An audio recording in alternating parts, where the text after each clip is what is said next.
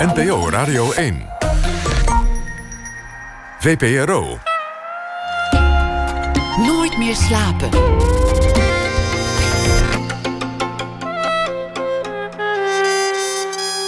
Met Pieter van der Wielen. Goedenacht en welkom bij Nooit meer slapen. Na ene krijgt u een verhaal van Ernst van der Kwast. Zangeres Karsu komt op bezoek, groot in Nederland, Turkije en tal van andere plekken op de wereld. En ze zal ook spelen in de studio. Een gesprek met boekontwerper Irma Boom over de schoonheid van het boek. Niet zozeer de tekst en de inhoud, maar het boek zelf, de kaft, het omslag, de achterflap, dat soort dingen.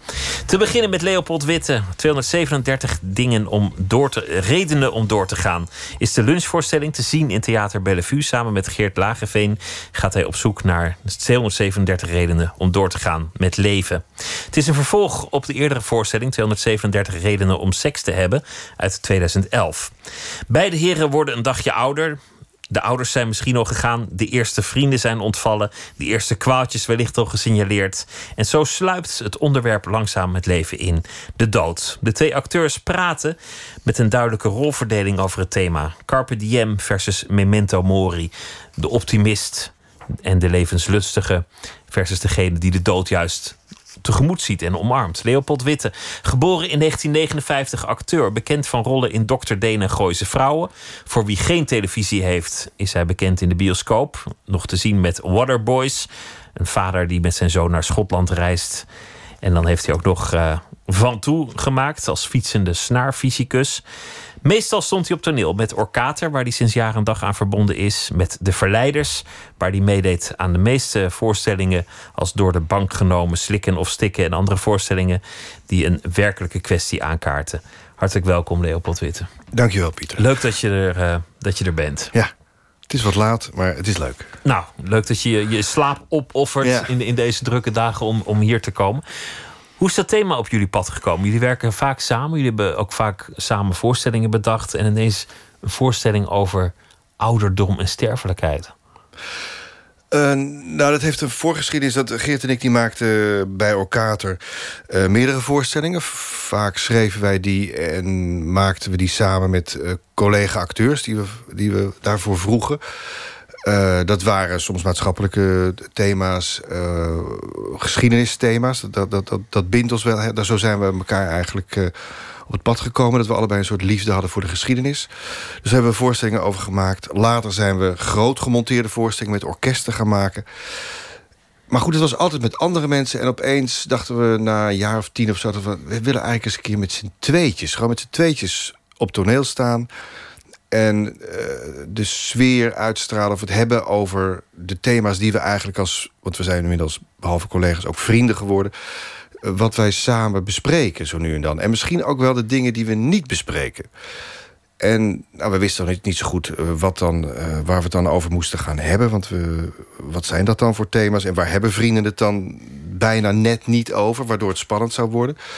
En toen kwam Geert op een gegeven moment het idee... of die las op een of ander raar internetsite... een, een onderzoek, een wetenschappelijk Amerikaans onderzoek onderzoek 237 redenen om seks te hebben. Nou, dat was een vrij absurde titel. Waarom, waarom in godsnaam 236 ja. of... Ja, dus dat was, iets, ja, dat was fascinerend. En dan over seks, toen kwam hij met het idee om over seks te hebben. Nou, daar had ik niet zoveel zin in. Maar goed, dat, het, het prikkelde natuurlijk wel. Want twee mannen, uh, toen begin 50, uh, eh, die over seks praten... dat had natuurlijk een heel fout randje. Maar dat vonden we wel uiteindelijk spannend. Dus zijn we samen gaan schrijven, gaan schrijven. Toen hebben we ons uh, laten helpen door dramaturg Laura van Dolron. Dat is een vrouw, wilden we er graag bij. Nou goed, toen vonden we uiteindelijk een vorm... waarin we een, op een smaakvolle en gevoelige manier... seksualiteit konden bespreken van vanaf eh, onze ouders wat de verhalen die we van onze ouders hoorden. Onze eigen jeugd, uh, puberteit, uh, middelbare leeftijd, huwelijk enzovoort. En nu uiteindelijk dat je je eigen kinderen opvoedt met seksualiteit. Dus dan konden we een soort, soort waaier maken van seksualiteit door de jaren heen. En dat, dat beviel ons eigen zelf heel erg goed. Op een hele intieme, kleine sfeer. Nou, die, die voorstelling hebben we toen ook in Bellevue lunchtheater gemaakt. En die is uitgegroeid tot schouwburgvoorstelling. Maar we hebben hem ook vaak in huiskamers gespeeld. Op verjaardagen of op feestjes. Heel wonderlijk. Dan hadden we verschillende versies. Nou goed, en nu is het vijf jaar later. En uh, toen dachten we, ja, wat is nu eigenlijk het we hadden wel behoefte om dat weer eens te doen. Nou, nou, zo uitgewaaid, allerlei andere dingen gedaan. Laten we eens weer eens bij elkaar komen. En het is wel fijn dat je zo'n, zo'n zou maar zeggen, een theatraal vriendengesprek hebt. Dat je gewoon als twee vrienden spreekt over de intieme dingen van het leven. Want jullie zijn, je zegt wij zijn ook inmiddels vrienden. Volgens mij zijn jullie hele goede vrienden. Ja. Beste vrienden misschien zelfs. Ja, op een paar, ja zeker. Ja, ja, ja, ja, ja. ja maar het is raar dat je. Het is, het is tegelijkertijd ook een werkrelatie. Want uh, dit soort onderwerpen die we nu aansnijden met elkaar... die doen we, die doen we ook heel functioneel, zou maar zeggen. Dat, dat, ik weet niet of we het zo zouden... Of jullie het wel zelf zijn die er staan?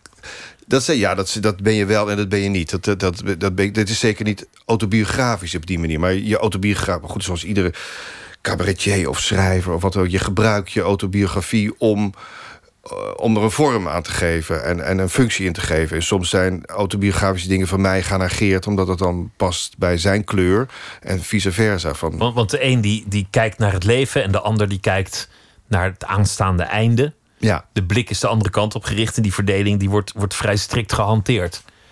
Nou ja, precies zoals je het zelf zegt. Dat is voor ons ook een duidelijk uitgangspunt. De ene heeft de Carpe Diems uh, instellingen. De andere Memento Mori. En dat was wel een soort verdeling. En die past ook wel meer bij hem.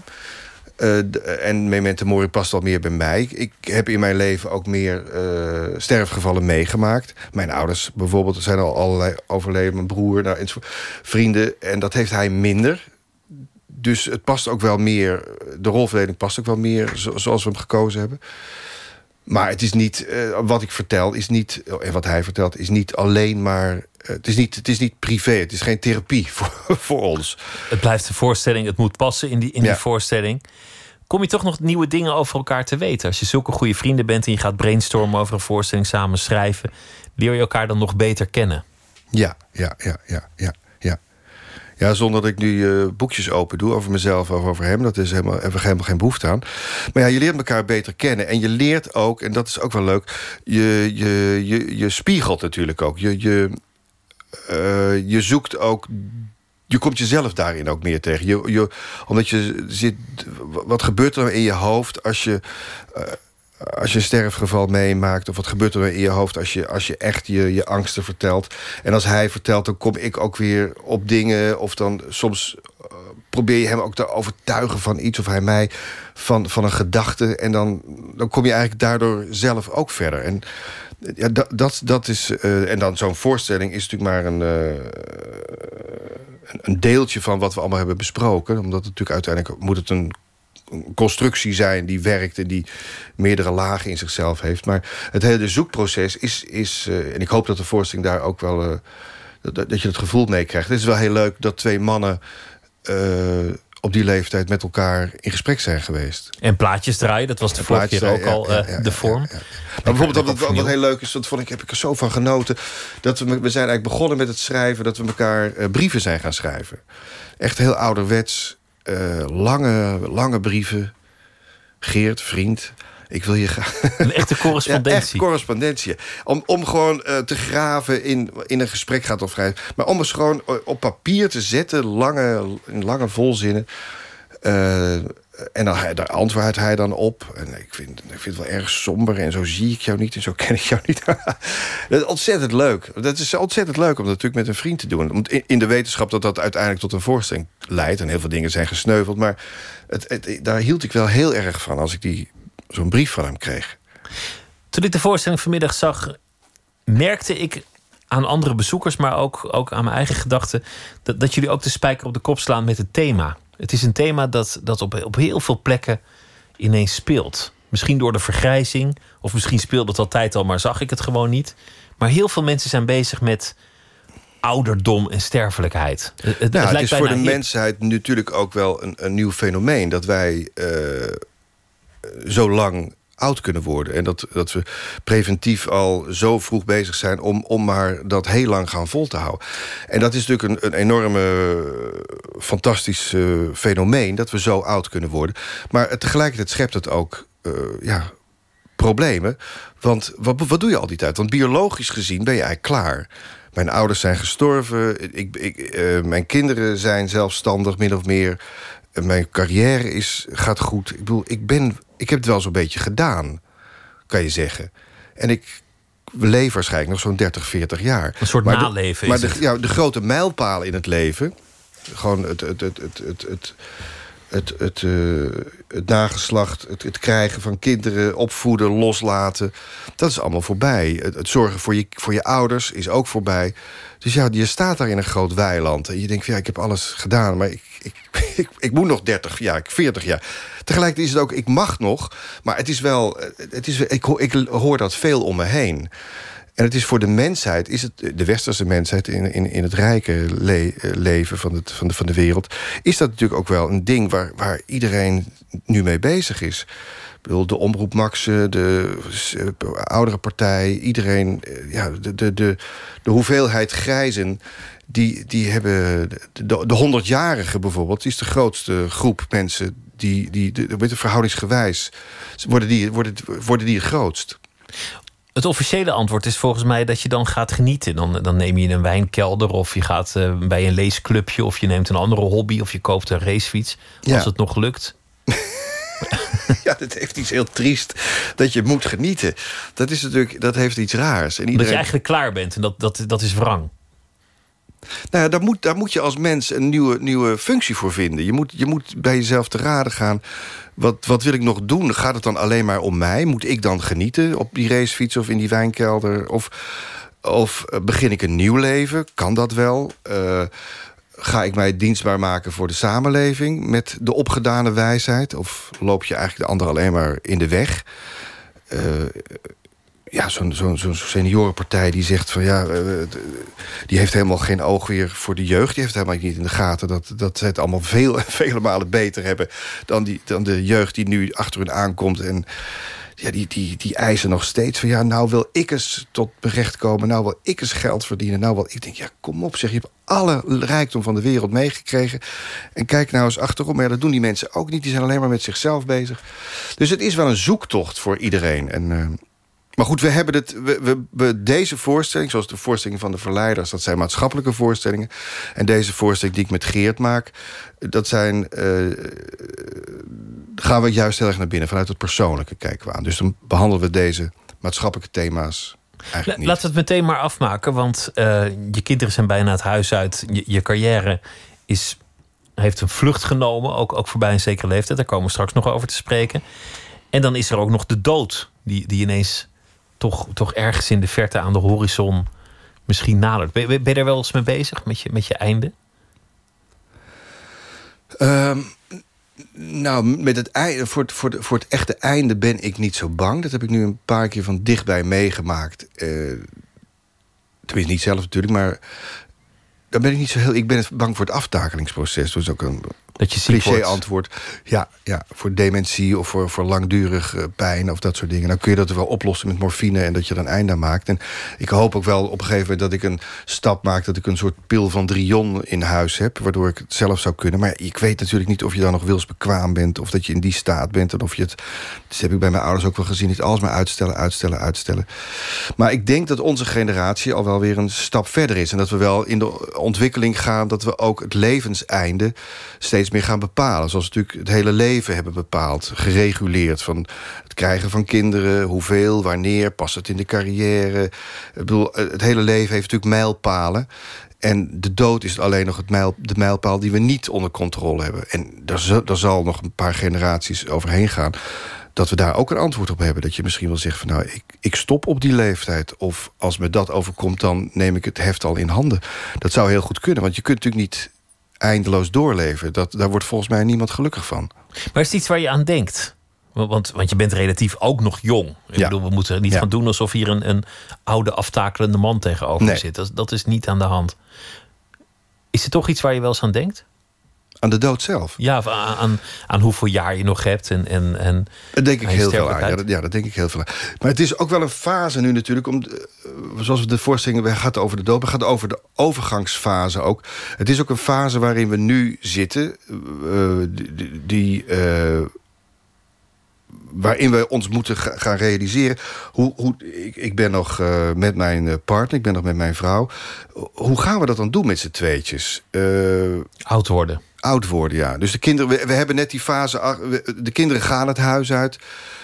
dus er ontstaat weer een, er ontstaat een totaal nieuwe situatie. De, de, de, de schaapjes zijn min of meer op het droog. Ik bedoel, ik ben niet, totaal niet financieel onafhankelijk. Maar in ieder geval, het, het gaat wel goed. Er zal niet, het gaat zoals het gaat. En hoe gaan we nu opeens... leef je niet meer voor de kinderen... maar leef je, ga je opeens weer voor jezelf leven... En ja, hoe gaan we dat eigenlijk doen? En dat, dat zien we bij onze vrienden ook. En ik denk dat als je, als je weer een paar jaar verder bent dat je dat hebt geaccepteerd, dat je dan weer in een andere flow zit. Maar dat blijf ik niet de komende 30 jaar denken. Maar dat, dat is wel nu de fase. Zo tegen mijn pensioen aan, zal maar zeggen. Nog een, nou, ik hoop niet dat ik met pensioen ga. Ik hoop dat ik blijf door, doorwerken. Maar goed, dat alleen al zijn al keuzes. En ik merk dat ik het dan heel vaak dingen denk van... dat ik min of meer aan het aftellen ben. Ga ik, als ik uit Parijs kom, ga ik nog een keer... Of ga ik nog, uh, hoe vaak koop ik nog nieuwe schoenen? Of onwillekeurig denk ik dat wel. Hoeveel wasmachines nog? ja, die dingen gaan 25 jaar mee. Dus dat is wel... Maar goed, eh, dat, dat, eh, dat zijn wel dingen die ik veel tegenkom. Er zijn veel gesprekken in mijn omgeving. Met een nieuwe, op zoek naar een nieuwe zingeving. De rollen waar je voor gecast wordt, die, die, die hebben er soms ook mee te maken. Uh, Waterboys is een film nog steeds te zien in de bioscoop. Ja. Um, daarin ben je een man die eigenlijk alles verkeerd heeft gedaan. Ja. Zo'n beetje de eerste scène wordt hij, wordt hij er thuis uitgeflikkerd. Hij komt thuis en uh, merkt dat al zijn spullen al netjes opgevouwen zijn. Ja, die vrouw is helemaal zat. En de, die man die ik daar speel is een enorme vlierenfluit... en een enorme narcist. En die is alleen maar uh, met feestvieren bezig. Hij heeft totaal niet in de gaten wat voor rampspoed hij allemaal aanricht... in zijn privéleven met zijn vrouw en zijn zoon. En... Uh, maar ja, wat heeft dat met de dood te maken? Niks met de dood, maar wel met de ouderdom. Want het is een man die, die zichzelf een jonge god waant... en, en zich ineens realiseert dat het niet meer gaat. Dat het leven hem heeft ingehaald. Dat en dat op hem draait. Ja. ja, ontzettend kinderachtige man. Heerlijk. En zijn zoon, een beetje zorgelijke oude, oude, oude heer, die zoon.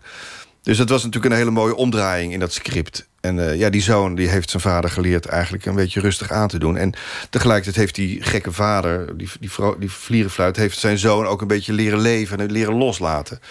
Dat is natuurlijk ook wel... In die film is, vind, vind ik dat een heel mooi thema. Hoe die vader en die zoon omdraaien in, in verhouding. En, uh... Ze gaan samen naar Schotland. Ja. En uh, nou ja, het, is, het is niet een, een reisje dat zonder problemen is. Maar nee, nee. ja, ik vond, ik vond het een fantastische film. Ja, maar het is volgens mij heel mee te doen. Ja. Dat, dat is ook een schrikbeeld van hoe je oud kunt worden. Het maar ontkennen dat je ouder bent, doorgaan alsof je een jonge man bent. Ja. Niet willen zien waar je allemaal tegenaan stoot. Ja, nou dat is natuurlijk de, de rol die Geert meer speelt. En dat hij, dat hij het zo loopt te ontkennen dat hij. Dat hij uh, ja, daarvan in paniek raakt. En dat alsof de jeugd de enige heilstaat is. En dat je, je. Een vorm van ouder worden is natuurlijk ook dat je accepteert wat er is. En dat je moet loslaten, je verwachtingen. Je, trouwens, dat is sowieso in het leven een hele grote daad om dat te kunnen doen. Dat je je verwachtingen loslaat. En dat je gewoon kunt zijn. Bijna een boeddhistisch streven. En dat is, ja, als je dat lukt en niet meer dingen najaagt... ik geloof dat je dan wel het gelukkigst wordt. En maar ik heb dat denk ik van jongs af aan al. Ik denk, denk dat er wel een oude ziel in mij zat. Dat ik van jongs af aan al bezig was om, om op de toekomst voorbereid te zijn. En niet bang te zijn voor, voor, voor ouder worden of voor dood. Dus dat past ook wel bij me. Dus ik, ik voel me ook wel steeds meer senang in het leven. En ook niet een, een oude man die per se jong wil zijn. Nee, ik, geloof, die, die ik ben blij dat ik niet meer jong ben. Aangaat, nee, nee, nee, nee, nee, Of, of tot zes uur s ochtends in de disco moet hangen. Nee, nee. Ik vind het fijn om naar jonge vrouwen te kijken, maar om daar. Nee, dat, nee, dat, nee, dat raak ik totaal van in paniek. nee, dat, uh, nee, gelukkig heb ik dat niet. Nee. We gaan luisteren naar uh, Father John Misty, een uh, zanger van dit moment. En zijn nieuwe album komt eraan pas in april. Maar hij maakt protestliedjes die zo actueel zijn dat ze eerder worden uitgebracht, zoals ook deze Ballad of the Dying Man.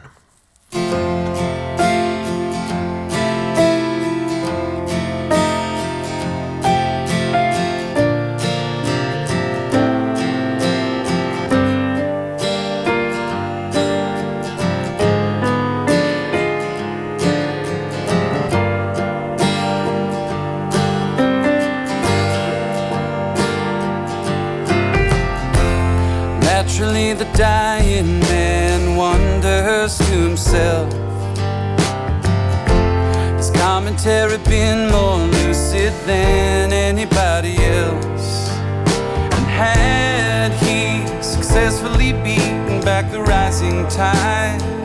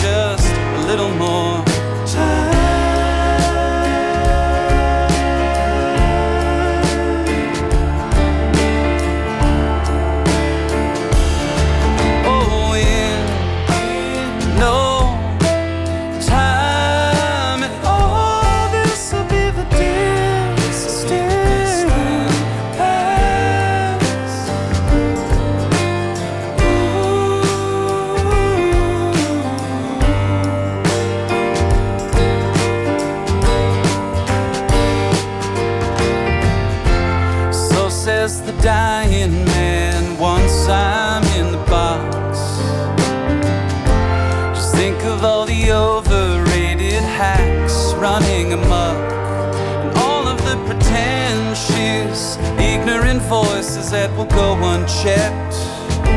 The homophobes, hipsters, and 1%.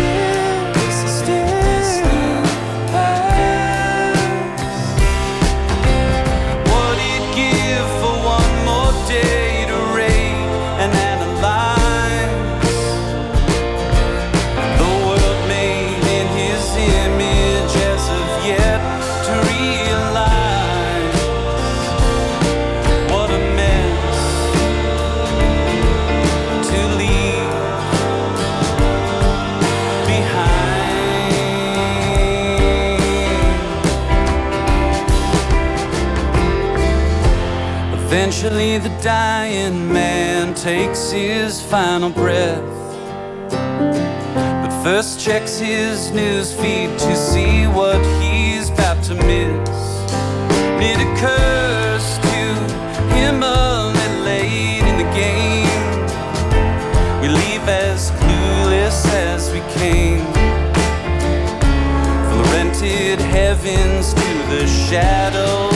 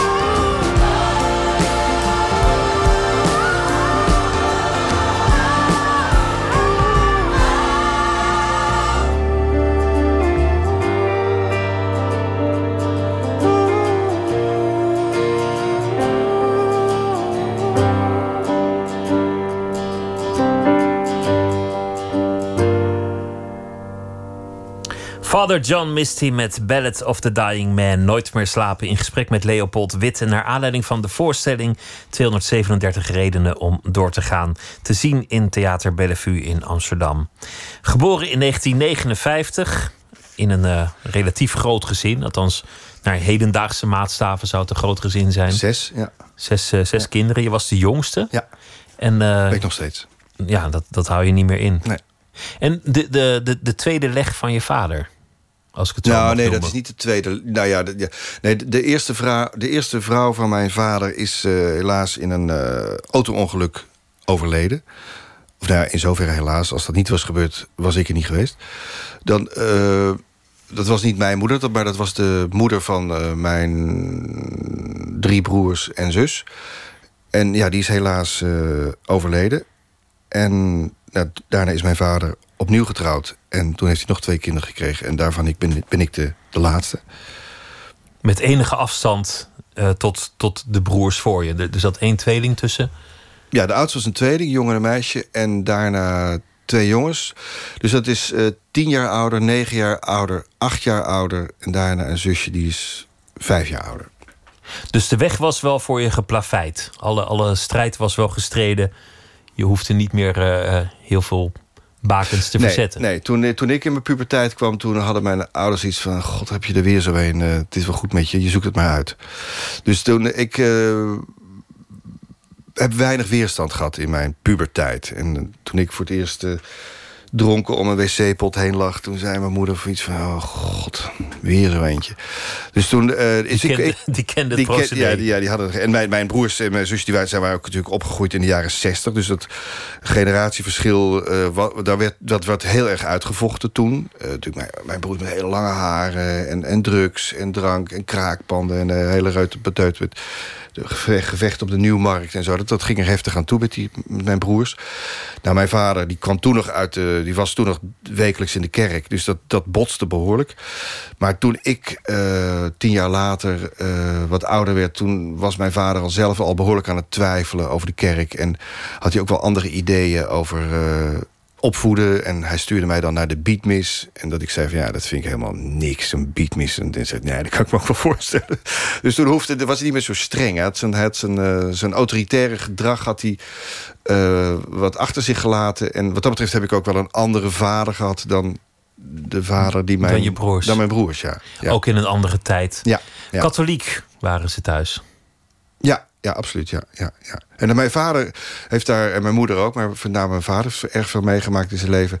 Heeft daar enorm veel steun aan gehad. Hij, vindt het ook, hij heeft het ook altijd jammer gevonden dat zijn kinderen allemaal uh, uh, niet geloofden. Maar hij kon het zich wel voorstellen. Want hij vond wel dat de kerk wel heel veel foute streken heeft geleverd. Dus hij bleef wel gelovig, maar hij, de kerk, daar kwam hij niet zo vaak meer. Nee. En welke rol speelde dat nog in jouw jonge jaren, de, de, het, het, katholiek zijn? Waarin maakte dat nog verschil ten opzichte van andere jongetjes in de buurt? Uh, nou ja, op, ik, ik ben natuurlijk wel altijd bij, bij een katholieke school, naar een katholieke school gegaan. En be, ja, bijvoorbeeld het feit dat ik op de lagere school alleen maar met jongens zat. Uh, op de MAVO, ik ben eerst naar de MAVO gegaan. Uh, de eerste twee jaar ook nog. Dus ik was 16, denk ik. Toen ik voor het eerst meisjes uh, in de klas kreeg.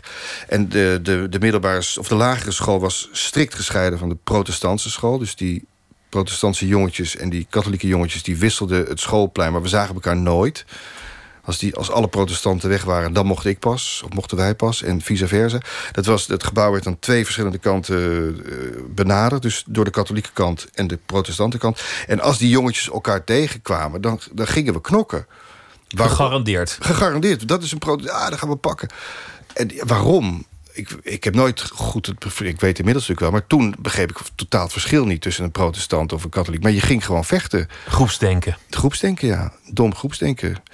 En uh, daar heb ik aan meegedaan. Dus in zoverre is het wel bepaald. En het feit dat ik pas zo laat met, met meisjes in aanraking kwam... Was, dat was natuurlijk ook de, de katholieke inslag nog. Dat was allemaal strikt gescheiden. Tegen het einde van de, van de middelbare school... dan moet je langzaamaan een beroep gaan bedenken. En bij jou kwam al vrij snel de gedachte om journalist te worden. Ja, ik wilde journalist worden. Ja. Dat, dat, dat, dat, uh, waar dat precies vandaan kwam, weet ik niet. Ik denk dat, dat, dat wat jij nu doet, dat vind ik heel erg leuk. Dat je, dat je jezelf uh, niet bloot hoeft te geven. Maar dat je, gewoon, dat je alleen maar vragen kunt stellen. Of dat je overal bij mensen binnen kan komen. En dat je gewoon de wereld snapt. Zonder dat je zelf... Uh, een toeschouwer zijn. Een toeschouwer zijn, ja. Dat, dat vind ik een fijne rol. Dat vind ik leuk om te doen. Maar ja, tegelijkertijd uh, had ik ook wel een soort... Ja, waarom ik precies op het toneel ben gaan staan... zal ook wel een psychologische uh, insteek hebben gehad. Dat ik zo nodig op het podium moest staan en zeggen... kijk naar mij, kijk naar mij. Dat zou ook wel iets te maken hebben gehad met mijn rol in het gezin. Van de, de jongste? De jongste ja. van de... Hallo, ik ben er ook. En, uh, maar goed, en ik kwam in de, in de, in de middelbare school... kwam ik uh, in contact met allerlei mensen die dat leuk vonden. En toen ik daar ook op toneel stond... vonden mensen dat heel erg leuk dat ik dat deed. Dus toen ben ik erin gerold... Maar het was, altijd, het was wel een grote keuze. Of ik, naar de, ik wilde eigenlijk naar de school voor journalistiek. Ik dacht van, nou, ik ga toch maar toneelschool proberen. Dan, dan, heb ik dat in ieder geval gehad. En dan ga ik daarna... Ik had me al wel opgegeven. Maar toen werd ik aangenomen. En nou, toen ben ik op die toneelschool terechtgekomen. Toen is er nog wel een pater geweest. Die heeft mij... Uh, het, er zat opeens een pater bij ons in de huiskamer... en die heeft gezegd... Eh, is het nou wel verstandig dat je dat gaat doen? en uh, kan je nou straks wel een gezin onderhouden? En denk nou, nou die heeft me proberen er vanaf te praten. Blijkbaar, of daar heel duidelijk... mijn ouders wilden dat niet doen. Dat is iets van, ja, dat moet je zelf weten, jongen. Maar toch nog even via de, de pater geprobeerd. Ja, ja, ja. Maar goed, dat is niet gelukt, dus ik heb het gedaan. En later is die journalistieke kant, eh, heb ik er wel bij getrokken. Dus heel veel voorstellingen gemaakt... die juist vanuit de journalistieke interesse... dat we eerst zo'n onderzoek deden en eigenlijk verslag... De voorstelling was eigenlijk een verslag van een journalistiek onderzoek. Dus zo, zo kwam het toch nog bij elkaar. Ja, want je bent bijvoorbeeld naar, naar Oeruzgan gegaan... Om, om daar echt onderzoek te doen. Om daar embedded onder de jongens te zijn ja. die daar gestationeerd waren, om daar later een voorstelling van te maken. Ja. Een heel journalistieke aanpak. Ja, niet alleen die twee weken, maar ook uh, dat we daar waren, maar ook uh, daarvoor dat. We hebben ontzettend veel militairen gesproken. En, en uh, vooraf, maar ook na afloop nog van die, van die reis. Dus hebben we, ons wel, we voelden ons wel verantwoordelijk. Want natuurlijk toch mensen zijn die met leven en dood te maken hebben... namens de Nederlandse burger. Dus we dachten wel, ja, als we daar verslag van doen... dan moeten we dat wel heel secuur doen. En, uh, en het was ook super spannend om dat natuurlijk mee te maken. Het is ook een heel verglijdende schaal wat we toen hebben meegemaakt. Eerst van, nou, we willen niet, we gaan niet. Toen kregen we de uitnodiging van, nou, als je er toch een voorstelling over gemaakt... ga er dan ook heen. Het was toen de policy van, van, van Defensie. Na Srebrenica hadden ze een lesje geleerd van... nou ja, we moeten ons openstellen, geen geheim hebben. Dus ga er maar naartoe, ga maar kijken. Nou goed, dan gaan we naartoe. Ik dacht van, nou, absoluut, alleen maar binnen de muren. We gaan niet het oorlogsgebied in. Nou, dan ben je daar een paar dagen. Krijg je de kans om toch naar buiten te gaan is een... denk, nou ja, toch maar mee. Denk, ja, wat is, wat, eerst niet, toen alleen maar binnen de muur. Nou, toch in het oorlogs, oorlogsgebied. En dan rij je daar een dag rond in de Baluchi-vallei. En denk je, ja, nou wil ik ook wel dat er geschoten wordt. Heel raar hoe dat, hoe dat in je eigen kop, terwijl ik een gezin had... dat je denkt hoe dat gevaar je elke keer maar opzoekt en opzoekt en opzoekt. denk van, ja, wat, wat doet dat wel niet voor, met jonge jongens? Maar dat, dat is ook een, ook een journalistenkwaal. Ik, las een interview met, met Michel Maas. Die heeft er net een boek over geschreven... dat hij baalde als de oorlog voorbij was... Of, of baalde als anderen ook verslag kwamen doen... dat hij verslaafd was aan die, aan die spanning en aan die primeurs. Ja, dat, dat, was een raar fenomeen bij mezelf of bij Geert ook eh, ons te merken. Toen werd de ondertitel ook van de voorstelling... Uh, het, het verlangen om iets mee te maken wat je nooit had mee willen maken. Zoiets. Het verlangen naar iets mee te maken wat je nooit had willen meemaken. En dat, dat, dat, dat, dat merk je ook bij die, of dat merkten we toen ook bij die militairen. Dat een als soort afgrond die trekt. Ja, ja, ja. Verlangen naar, naar, iets, naar iets catastrofaals. En dan erachter komen, shit, dat had ik nooit moeten doen. Maar dan is het te laat. Maar goed, ja, dat was, maar goed, dat is al lang geleden dat die Kamp Holland voorstelling. Maar goed, daar hebben we nog een boek over gemaakt. Er is nog een film van gemaakt van het script. Maar dat heeft een hele lange zoektocht geweest. Het was wel fascinerend.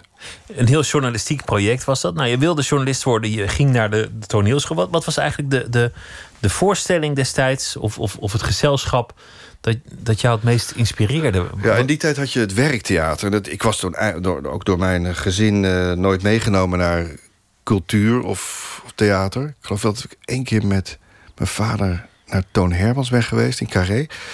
Vaag, maar goed, dat kan me niet. Ik kan me alleen het gebouw nog herinneren. En um, dus ik kwam niet in aanraking met cultuur op die manier. Maar toen was er het werktheater in de jaren 70, eind jaren 70.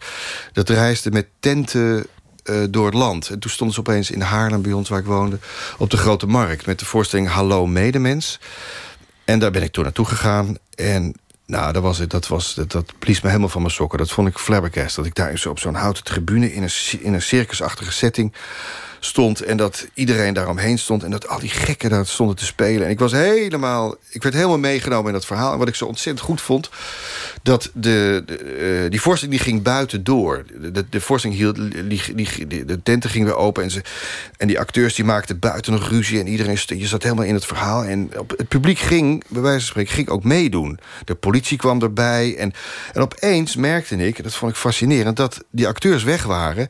En dat publiek stond nog met elkaar... Die voorstelling door te spelen. Die stond, ja, maar dat vond ik helemaal wat hij toen zei. En dan dacht ik van, ja, dit is echt de titel. Dit is echt Hallo Medemens. Je stond... Die, de acteurs die nou, of het publiek nam de rol van de acteurs over. Ik denk, nou, dat vind ik uniek, dat vind ik absurd. Dat kan niet, dat kan niet anders dan dat ik nu een unieke avond heb gezien.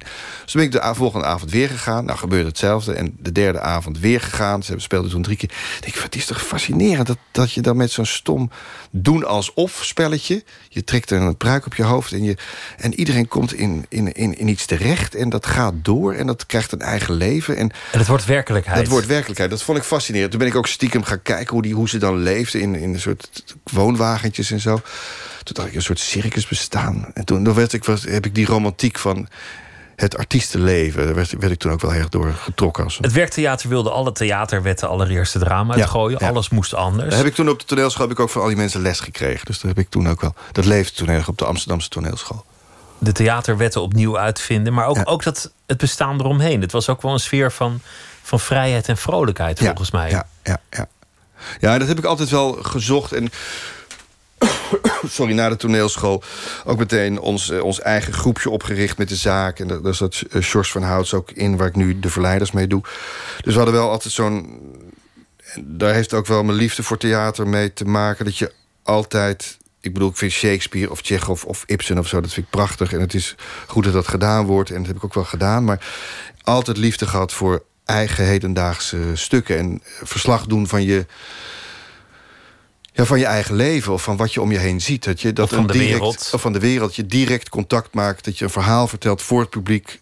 Van nu, over nu. En dat je direct contact maakt. En dat heeft natuurlijk ook wel de Nederlandse theaterwereld... heeft dat ook wel meer dan misschien dan andere wereld. We hebben natuurlijk die cabaret-traditie. En dat is ook dat, dat, dat direct praten met het publiek. Zonder een vierde wand, wat wij dan noemen. Zonder dat je dat doen alsof het publiek er niet is. Nee, aanspreken op het publiek, spelen en en dat, hebben eigenlijk, dat heb ik eigenlijk mijn hele leven gedaan. En de Verleiders komt daar nu eigenlijk uit voort. Eh, met Tom en, en Sjors heb ik op school gezeten. En dat is eigenlijk een soort weg die wij nu al 30 jaar met elkaar maken. En nu is dat dan... En het is, dat is eigenlijk een, een wonderlijk iets dat je volle zalen trekt. Keer op keer met een voorstelling over de kredietcrisis. Ja. Of over het zorgstelsel. Ja, de bankenwereld, ja, ja. Ik, ik kan me voorstellen dat impresariaten en zo in het begin... of the theaterbazen dachten nou, ik weet niet of, of, of, ik daar veel stoelen mee ga bezetten. Nee, stel, sterker nog, het was in eerste instantie was het, was het kantje boord of het, uh, of het lukte. Want we, het is, het is een de, heet het, een commercieel uh, product zonder subsidie. Dus het was zeer de vraag of we, of we genoeg voorstellingen konden verkopen... om het, om het avontuur aan te gaan. En nou, op een gegeven moment toen het heette eerste, uh, dat was de eerste voorstelling ging over de vastgoedfraude. En dat heette zo. Nou, daar, niemand was erin geïnteresseerd. Mannen in pak die over geld en vastgoed gaan praten. Nou, daar komt geen kip op af. Want natuurlijk, het theaterpubliek is sowieso cultuur in Nederland... wordt vooral uh, door, door vrouwen gepraktiseerd. Uh, vrouwen lezen boeken, vrouwen gaan naar theater... gaan naar films, gaan naar concerten. Dus die mannenwereld die komt daar niet zoveel. Maar dit was een mannenonderwerp. En toen hebben we het uiteindelijk hebben we de titel veranderd in de Casanova's van de, de verleiders. De Casanova's van de vastgoedfraude. Gewoon, en dan een, een beetje slikke foto van mannen die er een beetje mooi op die poster staan. Zoiets van, dan komen die vrouwen wel. Nou, toen verkochten we nog vier of vijf extra voorstellingen. Toen hadden we het risico genomen. Nou, laten we proberen. En toen opeens bleek het een booming hit. En het werd altijd, al de voorstellingen die we daarna gemaakt hebben, altijd vol tien, tien dagen geleden speelde ik nog in Carré. Gewoon, gewoon twee weken Carré. Gewoon altijd vol. Alle theaters, of in een dorp spelen... Of, altijd uitverkocht. Maar dat komt ook... Ongelooflijk. Komt omdat het mooie voorstellingen zijn en goede acteurs... maar ook omdat de, de thema's heel veel mensen bezighouden. Dat die verontwaardiging waar het uit begonnen is breed gedeeld wordt. Ja, en dat er iets in de maatschappij leeft... dat mensen behoefte hebben van leg het me uit op een leuke manier. Ik bedoel, we zijn natuurlijk ook wel...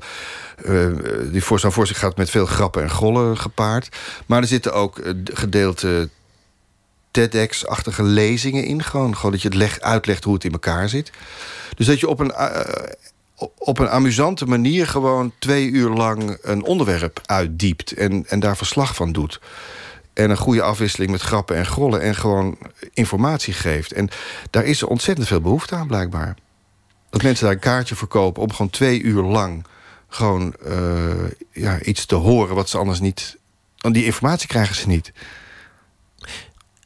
Je, je bent na je vijftigste ineens voor het grote publiek bekend geworden. Onder meer door je rol in Gooise Vrouwen. In ja. Dr. Deen. Nu ook nog uh, bioscoopfilms uh, recent erbij. Maar dat, dat deed je altijd wel een beetje, geloof ik. Maar met name met die grote tv-series werd je ineens een publiek figuur. Ja. Interesseert je dat iets? Uh, nou, ik ben er. Oh God, ja. Dat is altijd een moeilijk onderwerp. In de zin van. Ik ben natuurlijk heel blij dat ik daar aan meedoe. En, en ik vind het ontzettend. Ik vind het ontzettend leuk. Zijn leuke mensen. Ik vind, het, ik vind het een ontzettend fijne afwisseling met het theater. En je hoopt ook heel erg dat de mensen die naar de televisie kijken en mij daar dan van kennen, dat ze ook naar theater gaan. En dat is. Maar dat, is de kern van wat je doet. Dat is waar je uiteindelijk zelf op terug zult kijken ooit. En het meest trots op zult zijn, het theater. Uh, nou ja, ik, de afwisseling.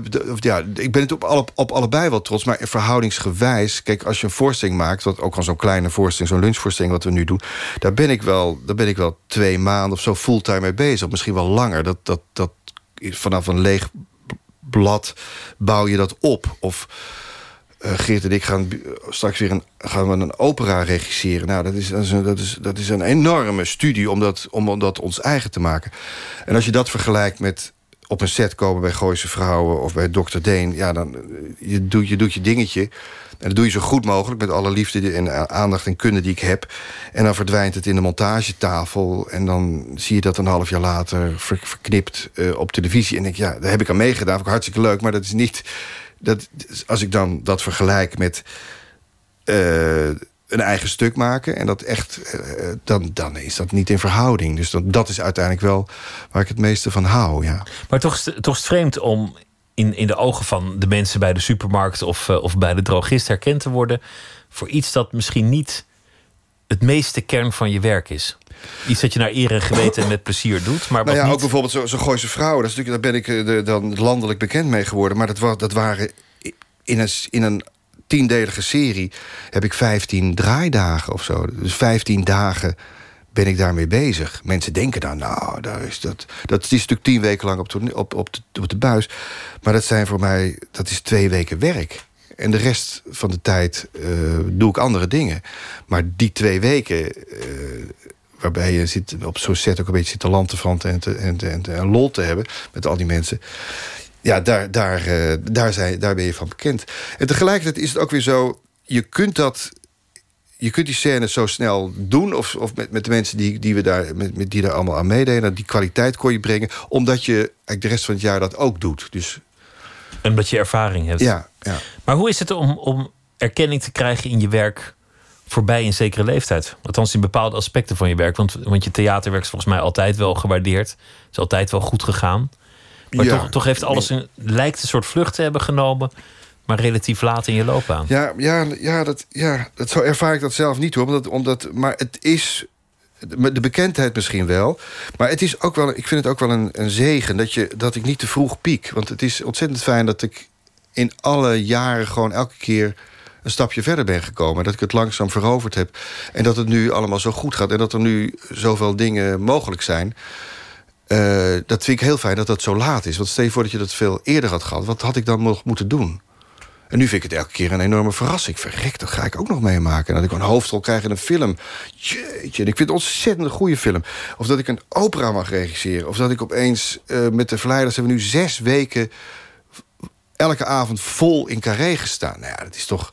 Dat had ik nooit verwacht natuurlijk. Dat is absurd dat me dat allemaal overkomt. Dat is ook een aspect van ouder worden. Oogsten.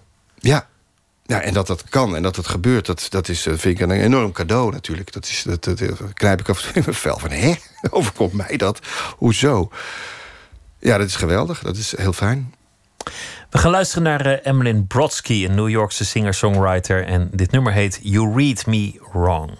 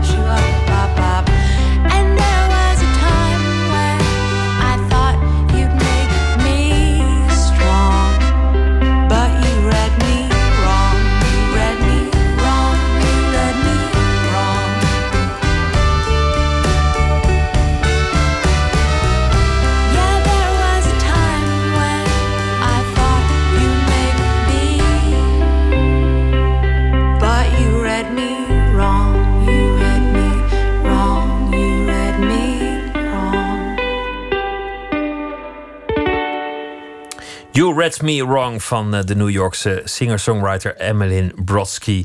En haar uh, debuutplaat heet meteen uh, Emmeline Brodsky's Greatest Tits. Goed, ehm, in gesprek met Leopold Witte. We, hadden het over, over, over een, een ideaal dat jou trof in het theater. Je zag het werktheater en, en, dat zette iets in gang, letterlijk. Zij begonnen de discussie, het publiek nam het over, de acteurs verdwenen en het ging verder ook buiten theater. De mensen die, die namen gewoon de voorstellingen over. Eh, heb je, heb je het ideaal dat, dat, dat je voorstellingen iets in gang zetten? Wil je iets veranderen in de wereld met, met je voorstelling? Nou, die ambitie heb ik niet hoor. Ik heb, ik, heb, ik niet geloofd dat theater nou de wereld kan veranderen. Maar het leuke en het goede van theater is wel dat het actueel is en dat je contact met elkaar maakt. En uh, dat je ik bedoel, zoals met de verleiders of met de voorstelling die ik met Geert maak. Wij zijn ook gewoon burgers van dit land. En we, zijn, uh, we zitten met dezelfde kennis en geschiedenis en, en, en zorgen zitten wij uh, in datzelfde gebouw. Wij staan wel op dat moment op toneel, maar de mensen zitten in de zaal. En ik vind het ontzettend leuk om, om, om en we hebben dan natuurlijk het vak om, dat, om daar een verhaal van te maken of een voorstelling van te maken, scènes te spelen. Maar ik, uh, het is ontzettend fijn als dat als dat, dat actuele wat in, de, in een theaterzaal gebeurt...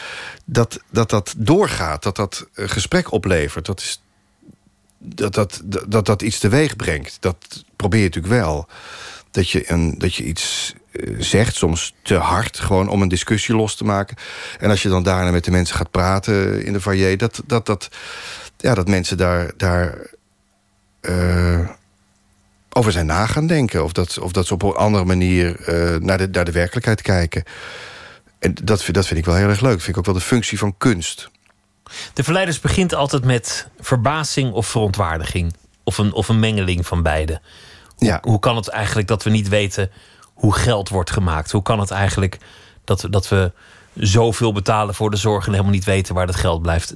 Dat soort vragen. Ben je zelf ook iemand die, die zich verontwaardigt? Over, de wereld om zich heen? Nou, niet de verontwaardiging dat ik op Twitter, op Facebook uh, mijn mening geef. Dat, dat doe ik wel, een aantal mensen van, van de verleiders. Dat doe ik niet, die, meen, die, dat heb ik helemaal niet. Maar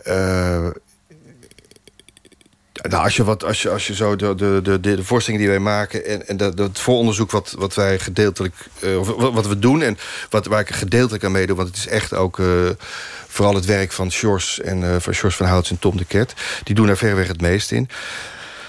Maar het is wel fascinerend om, om buiten de kranten of de televisie... andere media of andere, andere informatie te krijgen. Bijvoorbeeld zoals met die banken. Daar, daar, daar, viel, viel wel me...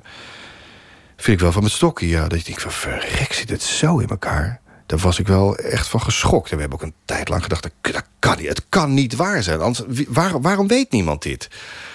En toen we de eerste voorstellingen speelden, dachten we ook... Er staat, staat, staat straks iemand op en die zegt... jongens, jullie snappen er helemaal niks, want is niet waar. En dat gebeurde maar niet, en dat gebeurde maar niet. En het gebeurde maar niet. En uiteindelijk speelden we bij de Nederlandse Bank... voor, voor, de, voor Klaas Knot en Alexander Rinokan... en de hele, alle commissarissen, een hele reutemeteut. Nou, we speelden daar in een, in een oratorium. En afloop, uh, heerlijke lunch, we zitten daar te praten... en de eerste vraag van ons was... is er iets wat wij vertellen wat niet waar is... Toen zeiden ze, nee, dat is allemaal waar wat jullie zeggen. Ik denk, hoe kan dat nou? Hoe is het nou toch mogelijk dat dat in geen enkel... Mijn, mijn kinderen zitten in VWO-gymnasium. Het staat niet in de economieboeken. Het staat niet op de site van de Nederlandse Bank. Het is gewoon niet waar wat, wat, wat ons wordt verteld. En nu maken wij als domme acteurtjes maken wij daar een voorstelling over. En het blijkt allemaal waar te zijn. En we komen uiteindelijk in de Tweede Kamer terecht. En Jeroen Dijsselbloem zegt... ja, we gaan er nou eens met de SER gaan we eens naar kijken. We gaan het allemaal eens heel erg onderzoeken. Jullie hebben wel gelijk. Ik denk, hoe is dat nou toch mogelijk? Dat een paar theatermakers toch eigenlijk onbenullen in dat... Nou, gewoon burgers. Wij, wij, dat zeggen we ook heel duidelijk. Wij zijn gewoon burgers die de mogelijkheid hebben genomen... om dit uit te zoeken. En de kennis is er, hoor. Het staat op internet, eh, follow the money. Het, de, de kennis is er. Alleen het werd nog nooit zo... en dat, dat is natuurlijk onze kracht, dat wij het als een soort... In wij konden het in de etalage zetten. Het was, was geen door papierwerk. Wij konden er scènes van maken, grappen over maken. Op een leuke manier, uh, ja, met een Jip en Janneke-achtige taal... bij wijze van spreken, konden we het uitleggen. En het gewoon het spel spelen met de zaal. En iedereen daar viel van zijn stoel van hoe is nou toch mogelijk wat daar verteld wordt, dat dat waar is. En ook heel veel mensen van de banken die gekomen zijn in het land, die ook boos opstonden. Dit is niet waar, dat kan niet en jullie zijn dom en jullie liegen. En, uh, het was allemaal wel waar. We begonnen met, met ouderdom. En een, een van de dingen die, die, die ik vaak hoor van mensen die een dagje ouder worden, is, is dat je afscheid neemt van de tijdgeest. Dat je namelijk meerdere fases van de geschiedenis hebt meegemaakt. En daardoor hoofdschuddend naar, naar het heden kijkt. En denkt: waar moet het heen? Dat, dat het zorgelijker wordt. Dat je het misschien niet meer kunt volgen of er gewoon niet mee eens bent. Dat, dat hoor ik met name de laatste weken heel erg veel van mensen. Ja, nou ja, wat, ik heb laatst zo'n heel mooi... Uh, ik lees de correspondent, daar ben ik wel... Ik probeer ook wel de Elsevier en andere... Blendel lees ik ook, zodat ik allerlei andere informatie ook krijg. Maar laatst las ik van Rob Wijnberg een heel mooi verhaal. En dat, uh, dat trof me wel, dat hij het had, had, over de waarheid. Dat is, we leven nu natuurlijk nu in een tijd waarin... Nou, we hadden het net even over uh, de oudere partij, uh, Krol, die dan zegt... die met de feiten wordt geconfronteerd en zegt van... ja, maar zo voel ik ze niet. Denk ik, ja, maar dat, dat vind ik onbegrijpelijk. Of Trump, die, die gewoon een eigen waarheid heeft. Nou, Wilders heeft natuurlijk een eigen waarheid. En, dat zijn, eh, en op Facebook wordt dat ook met die algoritmes... je krijgt alleen maar de informatie die je, die je wil krijgen, die krijg je ook. Dus mensen kunnen niet meer met elkaar praten... omdat ze over totale andere informatie beschikken. En goed, en Rob Wijnberg die, die, die vertelde dat wel heel mooi... dat uh, vroeger was de waarheid, had de kerk... die, uh, ik probeer het nu even te, her, te reconstrueren wat hij vertelde... wat hij schreef, dat de, de kerk was de waarheid, was een soort geloof. Je moest allemaal... Nou, de kerk, de religie had de waarheid. Dat werd in de 18e eeuw werd dat de wetenschap. De wetenschap had de waarheid in pracht, de feiten bestonden. En nu is dat gewoon... de waarheid is een product geworden als je de waarheid. Uh, als je, is een product, dus je kunt gewoon. Als je, als je dat goed framet, als je dat goed in de media zet. als je dat goed op Twitter en op, als je het maar inramt. dan is dat de waarheid. Voor een groep mensen. Maar andere mensen hebben een hele andere waarheid.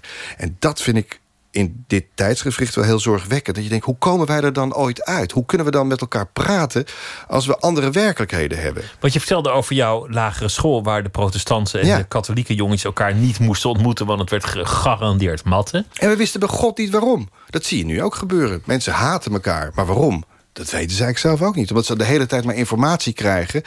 van eh, de ander is slecht, de ander is slecht. Dat, dat, dat, er worden groepen tegenover elkaar opgezet die, die niet weten eigenlijk die elkaar niet kennen, die elkaar niet ontmoet hebben... die elkaar niet gesproken hebben, maar die gaan gewoon matten met elkaar. En bepaalde basiswaarheden worden ook ineens ter discussie gesteld. Ja, heeft die, nou, of ze gelden alleen voor de eigen groep en niet voor de andere groep. Heeft een land een onafhankelijke rechter nodig? Of uh, uh, heb je journalistiek nodig. Dat wordt, die worden gewoon aan de kant gezet. De wetenschap is onzin. Dat, dat, dat zegt Wilders, dat zegt uh, Trump. Trump die, die gooit de journalisten uh, weg. Dat is fout volk. De, de, de rechterlijke macht wordt ontkend. Dus gewoon waar, waar, waar een maatschappij op gebaseerd is... waar democratie op gebaseerd is... de fundamenten van ons leven die worden gewoon aan de kant gezet. Het gaat alleen maar over ikke, ikke, ikke. En ik heb de waarheid. En ik, nou, ik heb, ben bang dat we gewoon behoefte hebben aan een grote crash. Dat we gewoon niet meer beseffen wat we hebben opgebouwd met elkaar. Dat we geen waarde meer hechten aan wat de geschiedenis ons heeft gebracht. En dat we alleen maar denken, dit heb ik gedaan. Terwijl als je achterom kijkt en weet wat een leidensweg het is geweest... om hier te komen als mensheid, als, als, als maatschappij... dat wordt allemaal terzijde geschoven. En uh, ik weet het beter. En ja, we, we, gooien, we gooien dingen weg. We maken het, dingen kapot.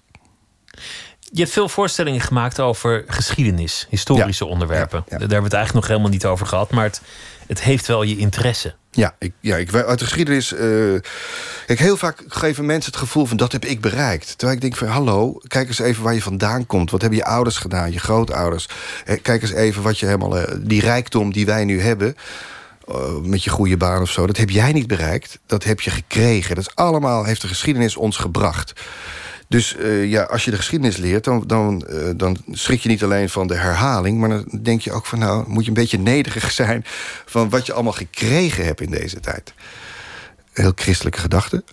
Maar uh, dat is wel, dat, dat vind ik heel waardevol. En ik verbaas me over, over als, ik, als ik dingen in de geschiedenis vind... of ja, dat het leven al zo geleefd is eigenlijk. En, en dat het zich op een bepaalde manier herhaalt. En dat het.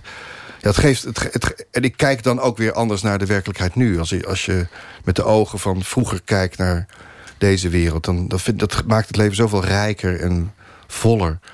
Ja, en waardevoller. Je, als je kijkt naar de godsdienstoorlogen van de, van de 17e eeuw en, en de 16e eeuw, dat, dat moeten we echt niet gaan herhalen. Nee, dat, moeten we niet gaan herhalen. Nee, dat, dat zou was niet leuk. gewoon dom zijn. Ja. En dat, heeft, nou goed, er zijn ook veel mensen natuurlijk... De, de rechterkant van de Republikeinse Tea Party... die heeft ook mm, geloof in dat het gewoon moet, de, de, de mensheid gaat vooruit door, door oorlog te voeren. Want dan klapt het weer en dan beginnen we weer opnieuw. Maar dat is natuurlijk ook heel erg vanuit de industrie gedacht. Dan kunnen we maar weer opnieuw gaan produceren. Kunnen we huizen gaan bouwen, wegen gaan bouwen... nieuwe militaire dingen gaan... Maar ja, het is, we moeten daar toch eens een keer van af. We moeten toch eens een keer die cirkel doorbreken. En we, we houden het al heel lang in vrede vol. Ik hoop dat we, dat, uh, dat we zo verstandig zijn om daar de waarde van in te zien.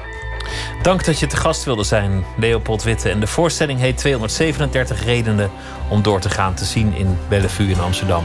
Dank je wel. Dank je wel. En zometeen gaan we verder met Nooit meer slapen. Twitter, het VPRO NMS. Tot zometeen. Op Radio 1, het nieuws van alle kanten.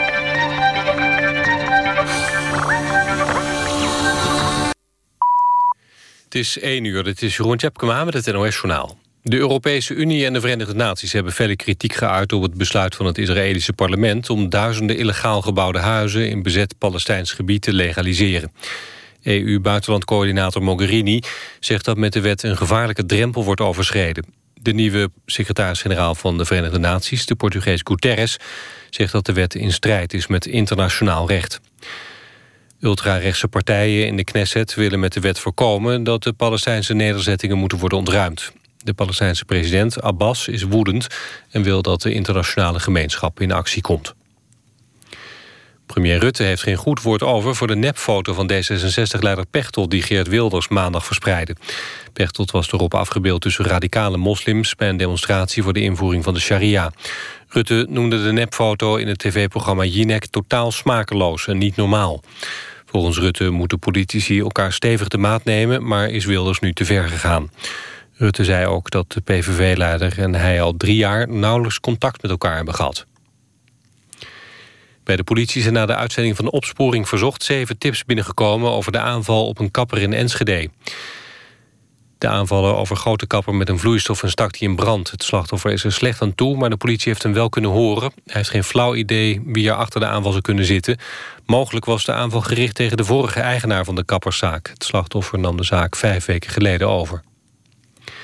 De Nederlandse banken gaan bij overboekingen beter controleren... of naam en rekeningnummer wel bij elkaar horen. De zogeheten IBAN-naamcheck moet helpen om verkeerde overboekingen en fraude tegen te gaan. Als er fouten worden ontdekt, krijgt de opdrachtgever een waarschuwing. Per maand zouden nu ongeveer 1300 verkeerde boekingen bij banken worden gemeld. Het weer. Vannacht is er kans op gladheid door bevriezing van natte weggedeelten. In het noorden gaat het 5 graden vriezen. Overdag breekt vanuit het noorden de zon door. Het wordt maximaal 2 graden. Dit was het NOS Journaal. NPO Radio 1. VPRO. Slapen.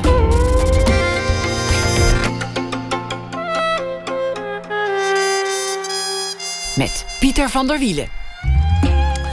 Ontwerper Irma Boom is wereldberoemd vanwege de boeken die ze ontwerpt. Maar waar wordt zij zelf door geïnspireerd? We gaan bij haar op bezoek en we kijken in haar boekenkast. Karsu, zangeres, komt op bezoek om te vertellen over haar nieuwe theatertour Play My Strings. En ze zal ook een nummer brengen hier in de studio. Ernest van der Kwast is schrijver en zal deze week elke nacht een verhaal maken. Hij werd onder meer bekend met zijn boek Mama Tandori, De IJsmakers en andere boeken. We beginnen met het cultureel nieuws. Een filmpje van de Nederlandse regisseur Matthijs van Heiningen junior is verkozen tot beste reclame tijdens de Amerikaanse Super Bowl afgelopen weekende. In de winnende reclame voor een automerk probeert actrice Melissa McCarthy tevergeefs op allerlei manieren de wereld te redden. Ze wordt verpletterd door een walvis als ze de walvissen probeert te redden. Ze valt in een kloof tussen ijsschotsen als ze protesteert tegen de opwarming van de aarde. En zo blijkt ze langzaam niet weggelegd voor het leven als activist en blijkt het gewoon een autoreclame. Het Oranje Hotel in Scheveningen wordt een museum en herdenkingsplek. In de Tweede Wereldoorlog werden daar in dat hotel verzetsmensen opgesloten. De oude cellen worden in oorspronkelijke staat teruggebracht. En ook de bekende dode cel 601 wordt geconserveerd. 13 mastertapes van Bob Marley, die vorig jaar werden gevonden, zijn met succes gerestaureerd. Op de opname staan uh, concerten van Marley in Parijs in de jaren 70. Ze lagen ruim 40 jaar in een vochtige kelder van een hotel in Londen. Het heeft een jaar geduurd om ze te restaureren en de kosten daarvan waren zo'n 29.000 euro. Gisteren eh, in het nieuws. Michiel van Erp, documentairemaker, is op zoek naar travestiet Kitty, die de hoofdrol speelde in zijn documentaire serie Lang Leven. Ik heb hem nu aan de telefoon. Michiel, goeienacht. Goeienacht, hallo. Is er al nieuws? Is, is er al een spoor van haar uh, te vinden? Ja, er is een spoor van haar gevonden. Uh, dus ik had inderdaad, inderdaad een oproep geplaatst. En um, heeft er iemand gebeld die beweert dat Kees, zo heet hij namelijk in het echt, uh, bij haar in de straat woont. Dus we hebben op dat adres een briefje in de brievenbus gedaan, maar daar hebben we nog geen antwoord op gekregen. Maar dat is best wel bijzonder, want uh, we konden uh, Kitty eigenlijk nergens vinden. En we zijn echt wel een tijd op zoek geweest. Vertel nog even het, het, verhaal voor wie de documentaire serie niet meer vers in het geheugen heeft en wie het nieuws niet heeft gevolgd. Wie is Kitty alias Kees en waarom ben je naar hem op zoek? Ja, nou het is een heel verhaal. Ik heb uh, zeg maar begin, ik denk rond 2002 of 2003, een documentaire gemaakt over drie heteroseksuele mannen die het fijn vonden om ja, als vrouw zeg maar ook door het leven te gaan. S'avonds en in de weekenden. En een van die mannen was Kees. Die was een bouwvakker, echt een ras Amsterdammer. En s'avonds ging hij als Kitty door het leven. En als Kitty voelde hij zich wat zelfverzekerder en uh, aantrekkelijker. En dat was een hele goede combi om in het leven te staan. En nou, daar ging die documentaire over. En um, uh, afgelopen september heb ik mijn, uh, had ik een soort, vierde ik mijn 25-jarige bestaan als documentairemaker. Dan had ik allerlei mensen uitgenodigd die wat mij betreft ja, heel belangrijk zijn geweest in mijn documentaire leven. En waaronder Kees. Maar we konden Kees dus nergens vinden. En um, nu ben ik door de Lamar Theater gevraagd om deze maand een soort theatercollege te geven. En ik dacht misschien is dat wel een goede reden om te kijken of we Kees alsnog kunnen vinden. Dus vandaar de oproep. En uh, er is beweging, maar dit is eigenlijk wel bijzonder in dit digitale tijdperk. Meestal is het een kwestie van even googelen. Ja, en dan heb je, iemand wel. Ja, maar het gek is dat wij, uh, want in de, in de tijd maakte ik het bij de Varen. Dus we hebben met al die gegevens zijn verdwenen van, weet je, het adresbestand van de mensen die toen in die uitzendingen zaten. En ja, we kunnen hem gewoon echt nergens vinden. Ja, ik vind het zelf ook een beetje vreemd. Ik zou ook denken, ja, je moet toch heel makkelijk iemand kunnen googlen. Maar dat is eigenlijk helemaal niet, niet gelukt. En ook niet, zeg maar, in de, de kroegen waar hij zich vroeger bevond, hè, waar we ook ooit gevonden hadden, laat ik het zo zeggen, qua research voor de, voor de documentaire. Die wisten ook niet meer waar die was. Dus... Um, ja, ik hoop dat het lukt, maar tot nu toe is het nog niet helemaal gelukt. Maar morgen misschien wel. Bijzonder verhaal. Dan kan het twee kanten op. Of Kees is, is iets meer Kees geworden en opgehouden Kitty te zijn. Of Kees is definitief Kitty geworden of een andere ja. naam. Ja, nou, ik, ja, ik vind allebei de, allebei de wegen goed. Ik wil vooral horen hoe het gegaan is en, en ja, wat er van hem geworden is. Michiel, dankjewel en veel succes met... Nee, ik hoop dat we mensen horen, dat ze in ieder geval kunnen reageren. Kunnen ze dan naar jullie bellen of hoe gaat dat? Ja, of, of naar jou, of, of heb je een mailadres of zo? Ja, nou, dat kan uh, naar, naar mijn bedrijf. De familie, uh, adres info.defamilie.net. Wie iets weet van Kees of Kitty, die kan uh, daar naartoe mailen. info.familie.net. Defamilie.net. Defamilie.net. Michiel van ja. Herp, dank je. Goeienacht. Hartstikke aardig. Dank je wel, hè. Dag.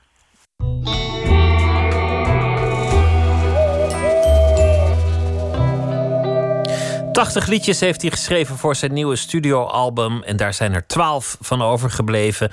Ik heb het over Ryan Adams. Het album heet Prisoner. En dit nummer is ook overgebleven: Doomsday.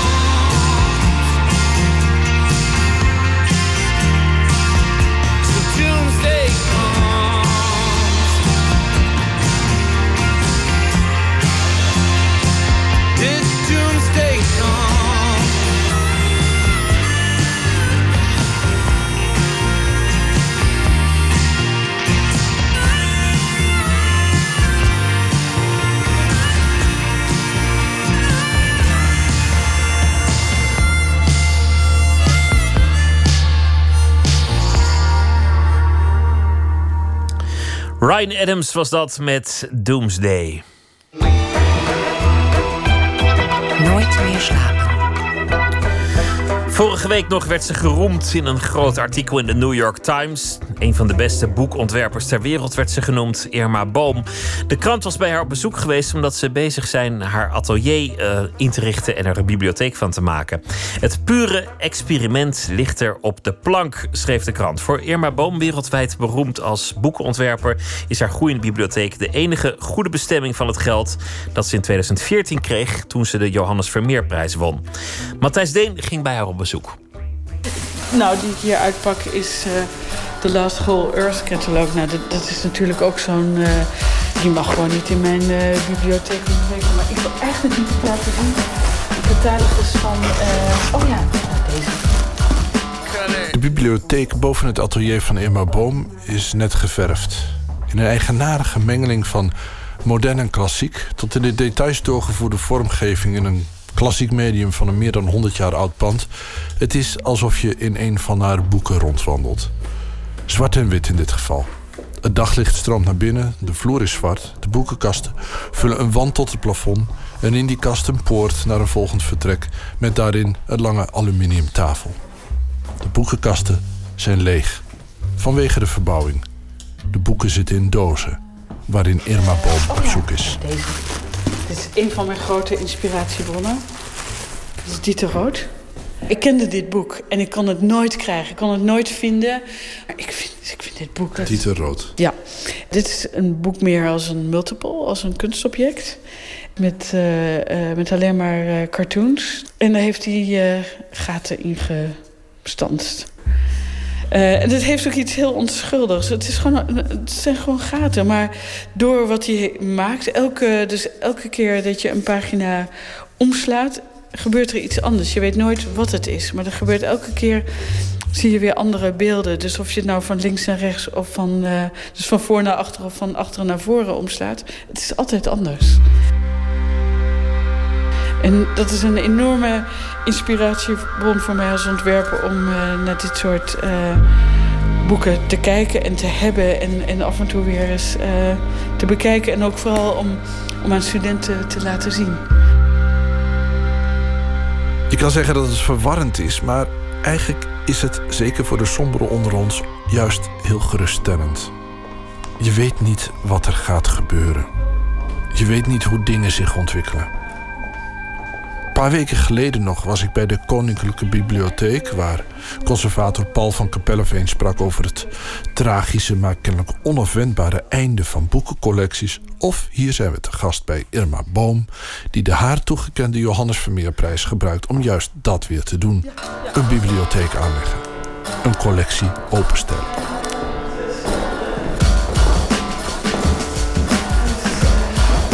Maar je hebt echt een bibliotheek en een leeshaal? Nou, ik, wil, ik wil een ruimte creëren. Vroeger zou je dat misschien wel een salon hebben genoemd. Maar dat, dat vind ik eigenlijk toch een te uh, albollig uh, en, en bourgeois uh, woord. Ik wil een, een, een plek creëren voor, om naar boeken te kijken. Dus om naar mijn collectie te kijken. Om ik denk met name studenten om ze te vertellen uh, over het fenomeen boek en wat het boek betekent, ook voor de toekomst. Want ik denk dat het boek, uh, het boek heeft meer relevantie dan ooit. Je brengt iets samen waardoor je weer iets nieuws maakt. Een nieuwe eenheid, want het boek is een eenheid, uh, die weer een referentie wordt voor de toekomst. Waar ik nu aan moet denken is dat je het hebt over die informatie-explosie als een soort fragmentatiebom. Dat alles zeg maar uit. Terwijl een boek balt het weer samen. Ja, die edit het ook. Dus je, je moet weer keuzes maken om uh, informatie op een bepaalde manier bij elkaar te brengen. Zodat dat weer een eenheid wordt. Dat het weer een verhaal wordt en dat je het weer begrijpt. Het is een verlangen naar samenhang. Ik denk het wel. En daardoor, uh, daarvoor denk ik ook dat, dat uh, het boek juist meer relevantie heeft dan weer een aantal jaren geleden. En ik denk dan uh, met name aan Elements of Architecture, wat ik dus uh, met Harvard en, en Rem Koolhaas met name uh, wat we hebben gemaakt, is dat we daar hebben geprobeerd om al die informatie van een deur, die je overal maar kan, kan vinden, die hebben we op een zo'n manier samengesteld en weer in een boek bijeengebracht. Dat je, dat je eigenlijk de geschiedenis van de deur uh, dat we die presenteren. Zo, en, en dat is weer aanleiding, als je dat boek dan ziet. Uh, is dat voor een, kan voor een student of voor, voor of iemand die in deuren ge, geïnteresseerd is, of, of voor een architect. Is dat weer een bron van, uh, van de inspiratie om weer mee verder te gaan? En ik denk als, als een boek dat kan doen, dan is het bijna, dat is bijna ultiem. In haar TED-talk op YouTube te zien waarin Irma heel in het kort een paar door haarzelf ontworpen boeken presenteert en toelicht, spreekt ze ook over het boek in het informatietijdperk als lachende derde eigenlijk. Er zijn nogal wat nieuwe revolutionaire informatiedragers gekomen en weer verdwenen de afgelopen decennia. Denk maar aan de floppy disk of de CD-ROM. Allemaal dreigden ze het boek overbodig te maken. Allemaal verdwenen. Maar het boek is er nog. Eigenlijk denk ik dat het, uh, uh, dat het boek nog steeds ook die waarde heeft... doordat het uh, toch zwart op wit gedrukt is. Het bevriezen van, van een soort van inhoud en de flux van internet waar je elke seconde de inhoud maar kan veranderen. Maar het feit dat je, uh, als je een boek drukt, dat je het niet kan veranderen, dat kun je als nadeel zien. Maar ik zie dat als een enorm voordeel. Want dan moet je dus ook veel beter over nadenken. Je moet veel beter weten wat je doet. En uh, ik denk dat fenomeen, wat eigenlijk bijna een beetje een, een langzaam proces is die notie is een belangrijke gewaarwording en, en die moet je gebruiken. Irma gaat me onder de boekenkast door voor naar het andere vertrek waar de lange tafel staat en een open haard onder een grote schouw. De ruimte is verder leeg, we klinken erg hol. Buiten gaat gestaag het stadsverkeer voorbij. Op tafel een paar van Irma's eigen boeken. Een boek voor Chanel nummer 5, waar ze de Dutch Design Award voor kreeg. Het boek Weaving as a Metaphor van de Amerikaanse kunstenaar Sheila Hicks waarvoor ze in 2006 in Leipzig de gouden medaille won voor het mooiste boek ter wereld. Maar ook een boek als een blok aluminium.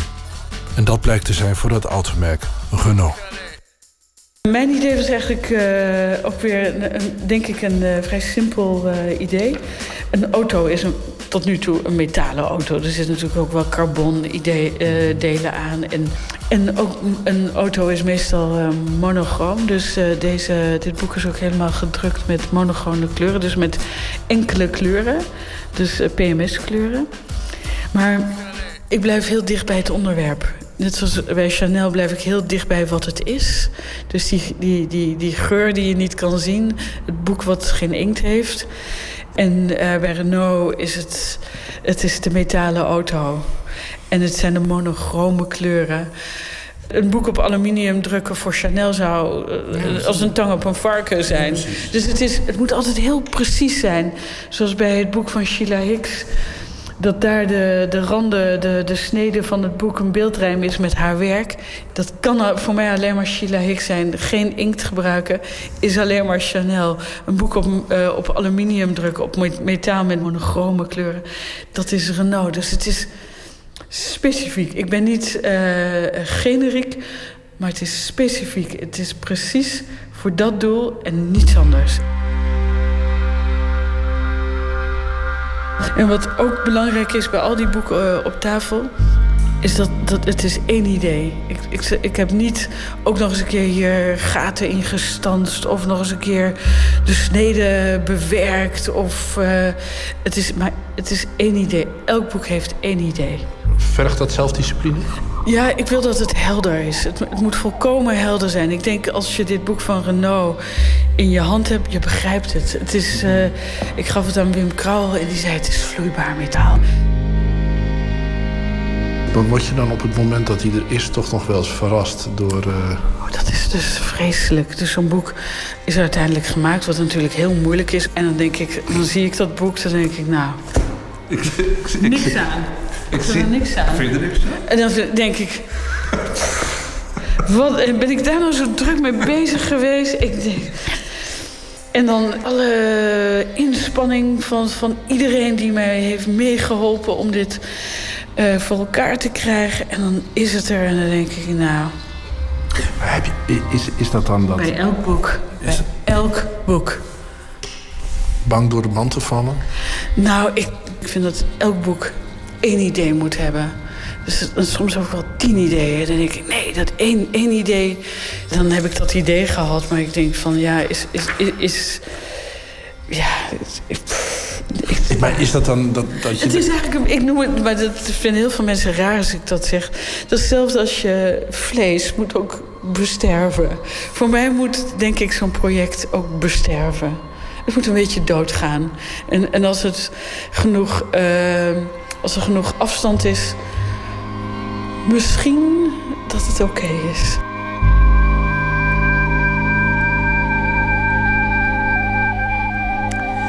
Matthijs Deen in gesprek met boekontwerper Irma Boom.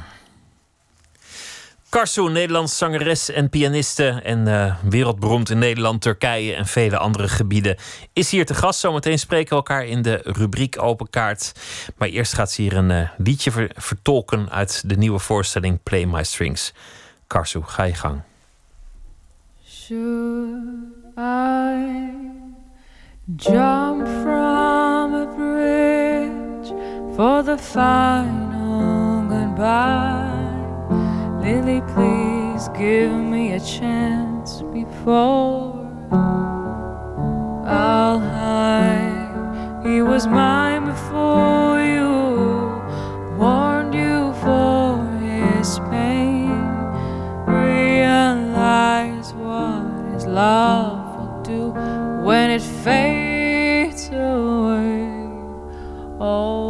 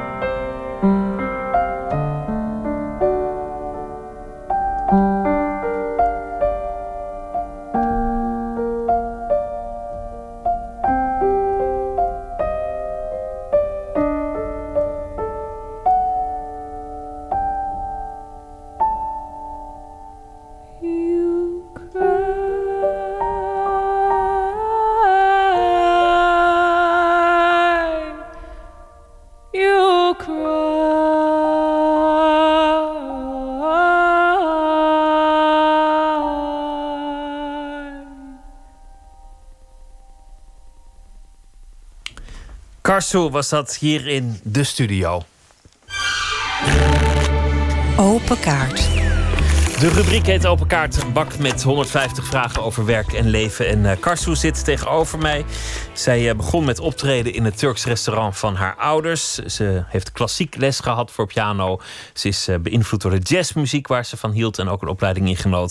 En door Turkse muziek en popmuziek. En alles komt bij elkaar. Ze is wereldberoemd in Nederland. Ze heeft opgetreden onder meer in de New Yorkse Carnegie Hall.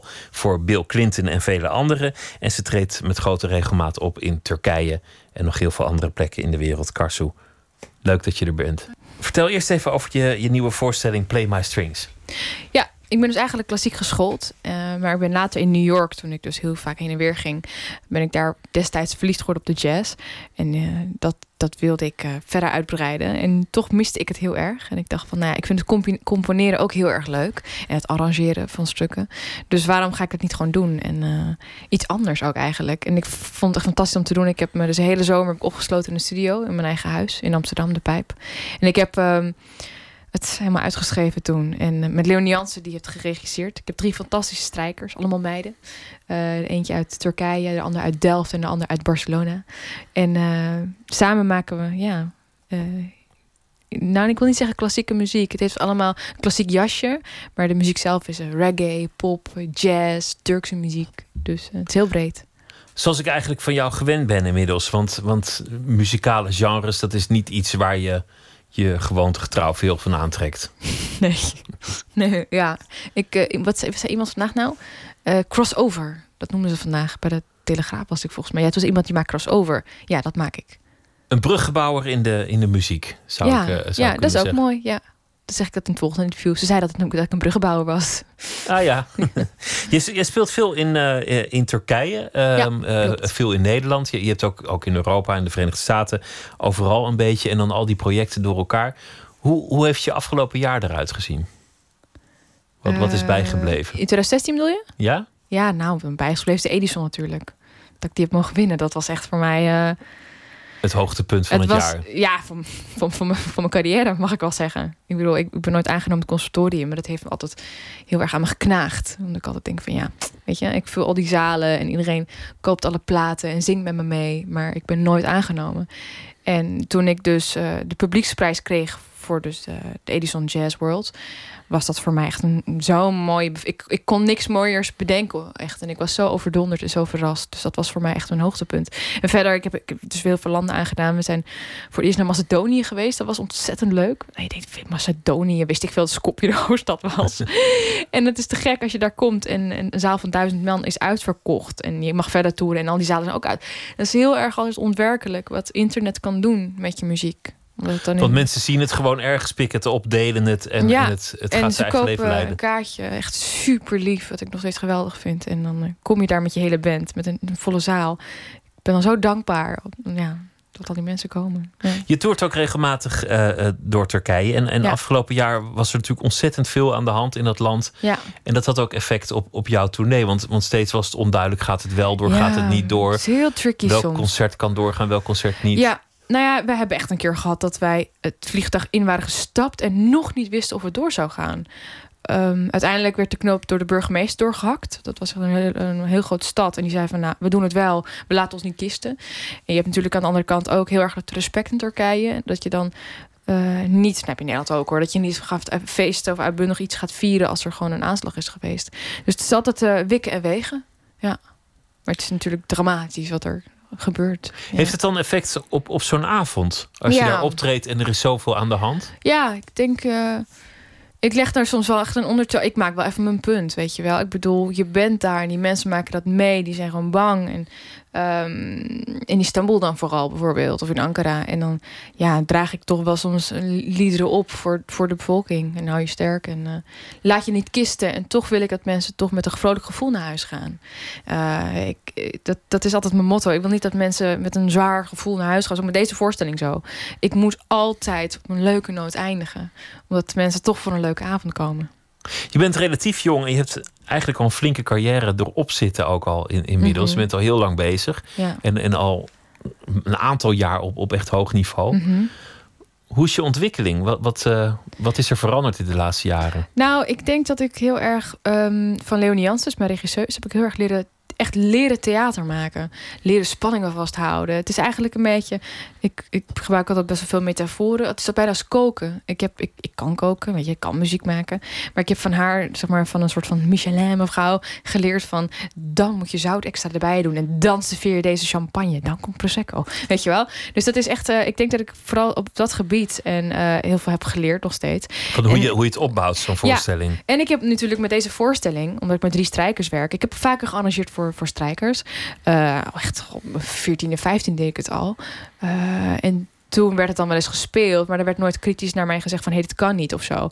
Ik wist helemaal niet dat ik met soort van um, hun vingerzettingen elke keer rekening moest houden of met een toonsoort. Op een gegeven moment werd na de vierde repetitie me heel stiekem gevraagd: kun je het alsjeblieft niet met vijf mollen doen of met vijf kruisen of zo? Ik oh.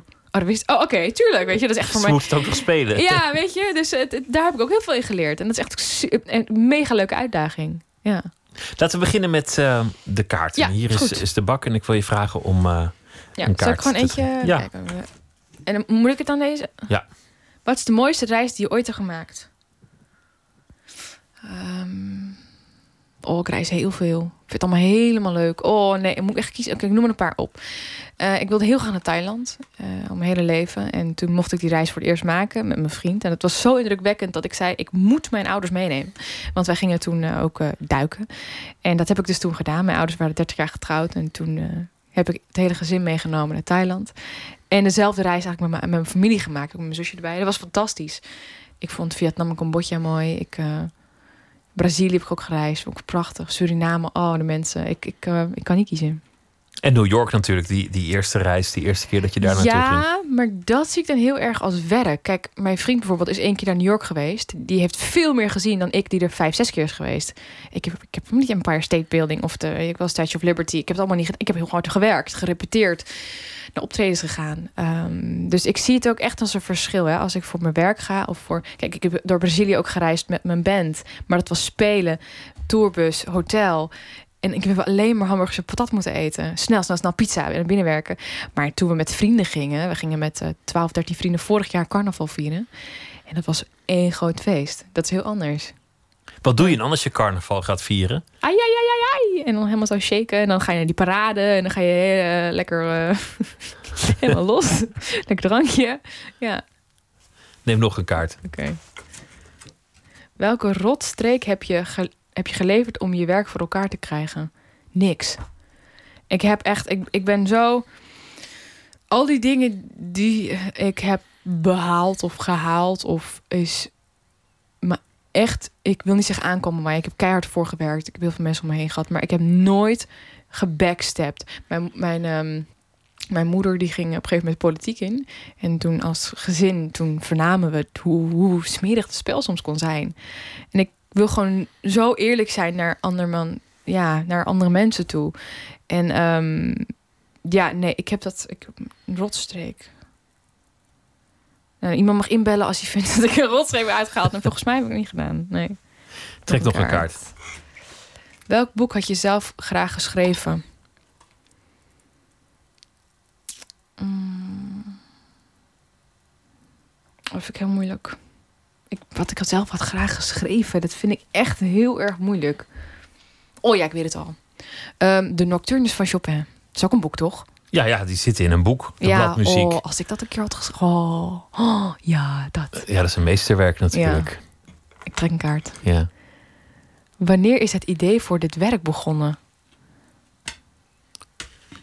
Dat het werk was, is voor mij was nooit vanzelfsprekend toen ik echt dacht, ik, oké, ik ga dit doen. Ik ga het een kans geven. Dat was de, de tweede keer Carnegie Hall. Dus stond ik daar, ik denk zo 3000 man voor me. Staande ovatie. De hele New York Pops Orchestra achter me. En ik stond er in mijn rode jurk.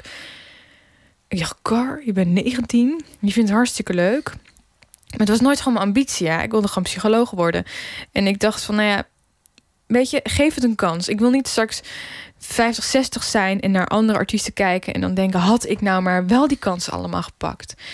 En ik zit nog steeds in een soort van trein. En, en die trein gaat maar en gaat maar. En als die trein een keer stopt, enfin, ik heb die, ik heb die Edison gekregen. Ik heb een soort stempel gehad op mijn werk. Ik, uh, ik heb, ik heb het ontzettend naar mijn zin gehad. Ik ben ontzettend dankbaar geweest. Eh, maar dat moment in, in Carnegie Hall dacht ik van oké, ik ga dit doen. Ik ga het een kans geven. Het wordt werk, het wordt mijn baan. Het wordt mijn werk. Ik ga het proberen om het mijn werk te maken. Het is gelukkig gelukt. Wat wil je aan je kinderen meegeven? Ik, ik, wil, ik wil niet echt kinderen. Nou, ik ben helemaal niet mee bezig. Ehm, wat ik, ik geef de laatste tijd best wel veel eh, toespraken en speeches, uh, conferenties en zo. Vind ik hartstikke leuk. En ik vond het heel erg frappant dat ik daarvoor gevraagd werd, überhaupt. Maar ik, ik merkte dat het feit dat ik werd gevraagd, is omdat ik waarschijnlijk een bericht had. En uh, nou goed, ik heb een hele lange tijd heb ik uh, vluchtelingen geholpen op het Centraal Station. En dat gaf mij zoveel voldoening. Want ik zat ook een tijd in de knoop, knoop met mezelf. Ik dacht, mijn werk is zo bizar. Ik zing drie minuten liedje en ik krijg een applaus. Nog drie minuten en ik krijg weer een applaus. En ik vond dat zoveel andere mensen het meer verdienen als ik. Dan ik. En toen uh, dat werk gaf me heel veel voldoening. Ik was heel veel bezig met de kinderen toen die alleen uit de treinen kwamen. En um, wat uh, ja, ik vind gewoon dat elk kind een kans moet krijgen. En ik wil dat ook aan alle kinderen meegeven. Dat als ze later dan de generaties maar doorgaan, geef elkaar een kans. Zoek op wat je echt leuk vindt. Dus dat zou ik uh, mee willen geven. Aan Goed zo, ja. Wanneer is je werk gelukt? Toen ik de Edison kreeg. Nee. Ja. Als, als er één iemand een kaartje koopt en vrolijk naar huis gaat, is mijn werk gelukt. Dan begint het al, met Ja. succes. Ik, ga, ik, ik vind het Ja, leuk. ga Dus ik ga er heel snel door. doorheen. Ik vind het leuk. Heel mooi. Wat is je sterkste eigenschap? Ik ben aardig, zegt mijn vriend al. Je bent ontzettend. Wacht, ik moet even nadenken. Wat is mijn sterkste eigenschap? Ik denk mijn doorzettingsvermogen.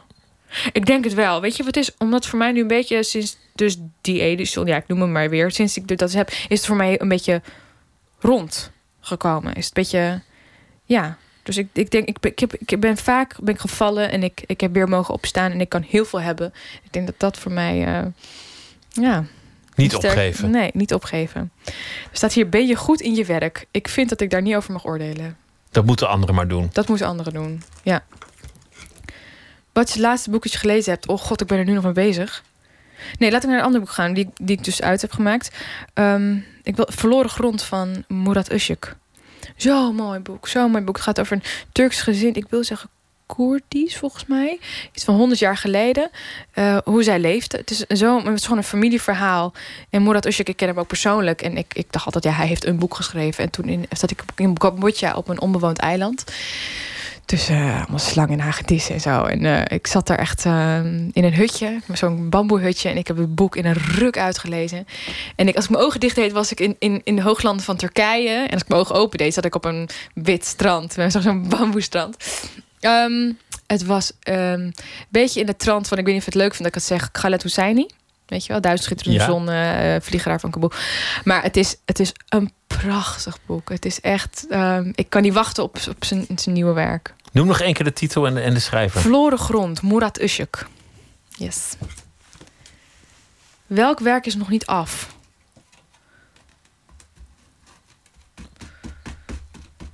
Mijn keuken.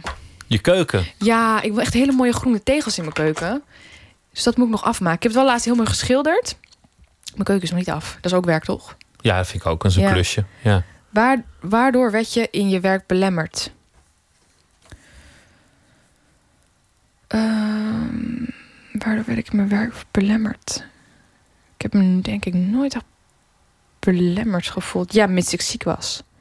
Of zo, dan werd ik wel belemmerd als ik er niet kon komen. Ik heb nog nooit een optreden afgezegd. Nou, nou ja, het was één keer sneeuw in... eh, door sneeuw, dat is het antwoord. Eh, het was sneeuw en ik moest naar Friesland. En dat, ik kon gewoon daar niet heen. Je kon er gewoon niet komen. Nee, dus dat. En voor de rest, ik heb altijd, als ik ziek was, heb ik altijd gespeeld. En dan, maar als ik het stap op het podium zet, dan gaat ook alles echt gewoon weg. Gewoon adrenaline. En dan ga ik van het podium af. Dan sta, ben ik nog steeds aan, zeg maar.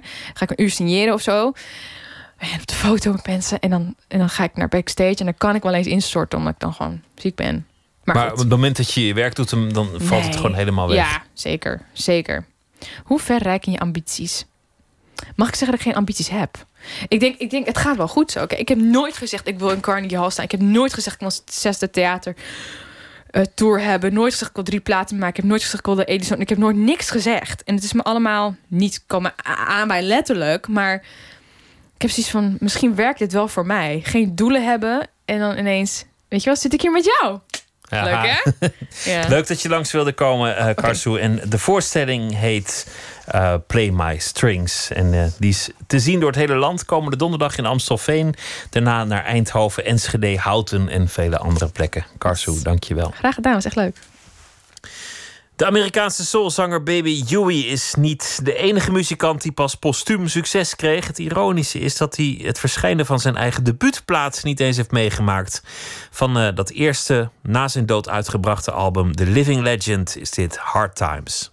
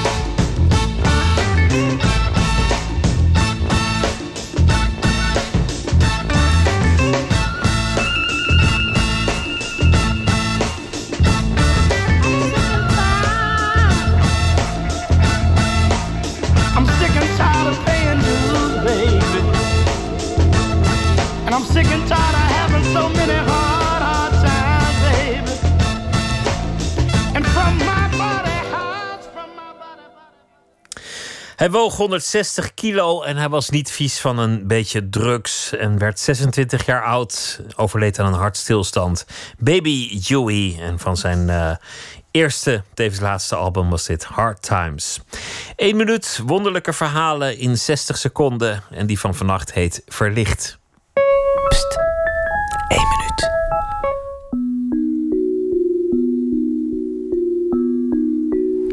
Eh, lag in bed samen met mijn vriendin toen. En ik voelde mezelf wel heel licht eh, eh, en zweverig. En zij kwam toen op me liggen en ik zei, ik zei van, ik voel me heel licht en heel zweverig. En zij voelde dat aan bij mij.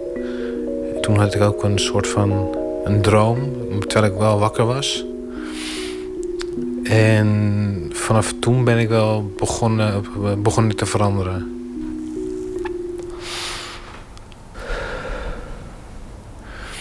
Een vriendin die had eh, van het internet gehaald eh, wat nou de definities waren van uh, manisdepressiviteit. En daar stond dus dat manisch ook wel vergeleken werd met verlicht. En dat de grens tussen verlichting en manisch heel dun kan zijn. En ik heb toen gekozen voor de verlichte versie. Maar dat, zo voelde ik dat ook echt. Ik had echt het idee dat ik ja, dat ik meer wist. Dat ik in contact stond met dingen waar andere mensen niet eh, mee in contact stonden. Ja, ik denk dat, uh, dat als ik dat weer zou hebben, of terug zou kunnen halen, dat ben ik ook wel aan het doen, dat die periode ook nog iets gegeven heeft. Uh, los dan alleen maar beperkingen. Ja.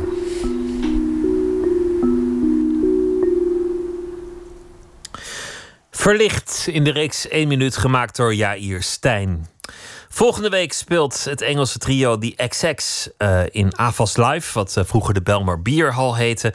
En om vast in de stemming te komen, draaien we Islands.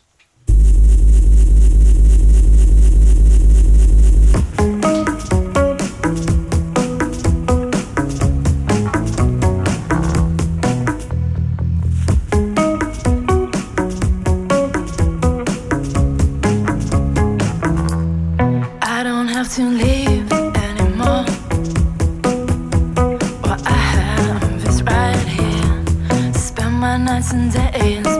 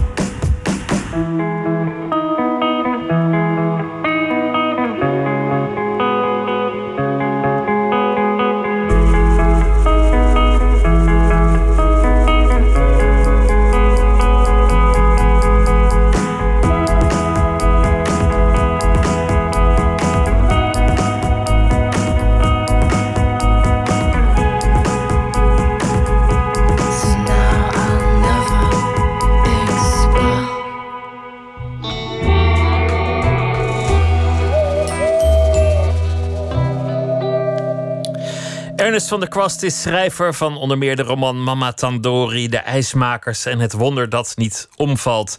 En deze week zal hij elke nacht een verhaal maken bij De Dag die achter ons ligt. Ernest, goeienacht. Goeienacht. Vertel, wat is er eh, allemaal gebeurd? Je moest vroeg op, je had een drukke dag, je worstelde met stress, maar wat is het voor dag geworden? Eh, dezelfde dag als gisteren. Er zit niet zoveel verschil in mijn dagen, geloof ik. En in de wereld? In de wereld. Ik ga, ik ga je voorlezen wat ik heb gevonden. 100 procent. Ik ontving een ouderwetse blauwe brief van de Belastingdienst. Die krijg ik vaker, maar dan heb ik de brief ook al digitaal ontvangen via het portaal Mijn Overheid. Efficiëntie is niet de grootste troef van de Belastingdienst. Het gaat al een tijdje niet zo lekker met onze nationale fiscale dienst. In januari stapte topman Hans Leitens op na een reorganisatiefiasco. Die reorganisatie was compleet uit de hand gelopen. Er was een vertrekregeling in het leven geroepen, maar daar maakten veel meer mensen gebruik van dan gehoopt. Ook medewerkers voor wie de regeling helemaal niet bedoeld was, vertrokken vliegensvlug met een zak geld. Kortom, iedereen greep zijn kans.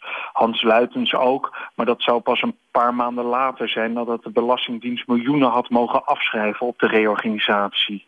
Naar verluid zit de Belastingdienst nu met te weinig vervangend personeel. Misschien ontvang ik vandaag daarom uh, een brief waarin stond dat de, dat de wet deregulering, beoordeling arbeidsrelaties wordt uitgesteld tot 1 januari 2018. Vorig jaar werd de VAR afgeschaft en de wet DBA zou daarvoor in de plaats moeten komen. Maar niemand begrijpt iets van die wet. Opdrachtgevers niet, opdrachtnemers niet. En het gerucht gaat dat ze bij de Belastingdienst de wet ook niet begrijpen. Er worden allerlei ingewikkelde criteria gehanteerd om te bepalen of er sprake is van loondienst. Mijns inziens kan het probleem voor heel veel ZZP'ers met één vraag worden opgelost. Namelijk deze. Ben je wel of niet een hoer? Ik heb mezelf deze vraag ook gesteld en ben tot de conclusie gekomen dat ik voor 100% een hoer ben. Anders had ik niet om kwart voor twee s'nachts nog een tekst voorgelezen. Slaap lekker. Uw, uw hoer wenst u zoete dromen. Inderdaad. Ben je een hoer of ben je niet? Doe je alles voor een paar pegels, dan ben je ondernemer. En zit je je uren te tellen, dan ben je in loondienst. Zo eenvoudig is het volgens mij. Mhm. Ja, ik kreeg die brief ook om, om, uh, om, om onduidelijke redenen. En ik, ik, ik vond ook zo mooi dat er. Dat ben er van jij die... een hoer, Pieter? Ja, Laten we daarmee beginnen. Dat, is, dat is onduidelijk, maar, uh, maar, maar soms een beetje. En, uh, en, maar er stonden van die mooie woorden in. Van, dan. Hang je, hè? dan hang je bij de Belastingdienst. Als je Ja. zegt, ik ben soms een beetje een hoer, maar het is heel onduidelijk. Ja, nee, ik heb een baan en, en daarnaast doe ik dan soms andere dingen. Maar dat snappen ze bij de Belastingdienst inderdaad niet. Maar er stonden woorden in als listigheid, samenspanning, Kwaadwillend. kwaadwillend. Oh, prachtig man. Er zat een bijlage bij die brief, hè? Geweldig. Terwijl, eigenlijk zou de Belastingdienst gewoon echt die brief moeten sturen. Bent u een hoer of niet? dan, zou, dat zou, dan zouden al die mensen gewoon weer tijd hebben om echt de boeven te vangen. Maar weet je, weet je wat volgens mij eh, de truc is met, met de Belastingdienst? Je moet als je met ze belt of correspondeert, doen alsof je een tijdmachine aan de lijn hebt en teruggaat naar de jaren 50. En als het iets is van nu, je bent organisatieadviseur, dan snappen ze het niet. Maar als het iets is van toen, je bent loodgieter, dan snappen ze dat wel. Dus je moet gewoon bij alles denken: bestond dit al in de jaren 50? Of bestond dit nog niet? En dan, dan kan je het zo vormgeven dat ze het wel begrijpen. Maar inmiddels hebben ze toch geen tijd meer. Ik, ik, ik vrees dat het, dat het alleen maar bergen... Want er staat dat het in twee- januari 2018, tot dan wordt het uitgesteld. Maar er staat ook eh, dat, er, dat, dat het eigenlijk pas in werking gaat als alle onderzoeken zijn afgerond. Dus nou ja, dat, klinkt, dat, eh, klinkt veelbelovend voor ons hoeren. Ja, Of halve hoeren, dat klinkt nog beter. Voor jou als halve hoer klinkt het nog veelbelovender. Ja, dan ben je een soort part-time callgirl. Zo'n student die bijklust. Ja, maar dan heel vies. Heel goor, met, met speciale ik vind, wensen. ik vind als je een halve hoer bent, dan ben je nog erger dan een hele hoer. Dat ben ik volkomen met je eens, eh, Ernest. Yes. Maar wat zegt het over een bedrijf als, als, je, als je bij zo'n regeling... Dat, dat dan ineens driekwart van het personeel zegt... oh ja, ik wil weg. Dat is toch een veeg teken. Een vertrekregeling, dat, dat lijkt me echt verschrikkelijk. Dat je een vertrekregeling gewoon ook voor bepaalde werknemers hebt. En, en dat iedereen erop duikt alsof, er, alsof de laatste strohalm wordt aangeboden. En, en, en, en een kwart van, de- van, van, eh, van het personeel is ook weg. Ik denk dat, dat de Belastingdienst... Het was vroeger wel... Ik heb fiscale economie gestudeerd hè, aan de Erasmus Universiteit. En er werd me altijd gezegd, er is altijd werk... Want je kunt bij de Belastingdienst terecht. Dat zeiden die docenten. En dan keken die studenten elkaar al aan. Ja, als ik hier afgestudeerd ben, dan ga ik natuurlijk voor een echt bedrijf werken. Ernst Jong of eh, Deloitte en Touche. Niet bij die sloebers van de Belastingdienst. Daar begon het al bij de studie. Ernest, dank je wel. Goeienacht. Is goed. Tot Goedenacht. morgen. Hoi. Hoi. De Londense multi-instrumentalist Duke Garwood speelde eerder samen met Mark Lanigan en The Savages. En we gaan nu luisteren naar eh, zijn album dat hij zelf heeft gemaakt, Garden of Ashes. Het nummer heet Cold Blooded.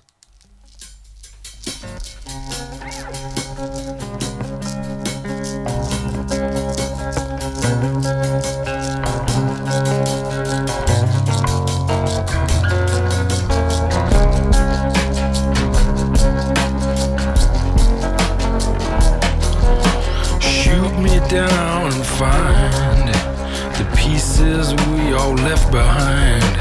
Let us trade a tale of wrong and good gone bad.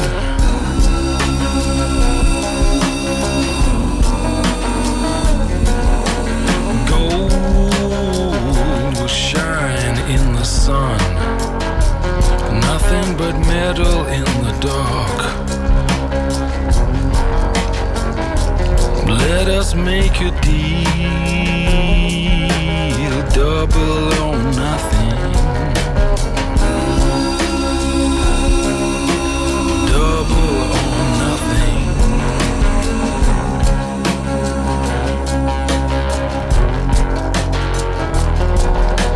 Cold-blooded in the blaze of the sun, set the lizards free.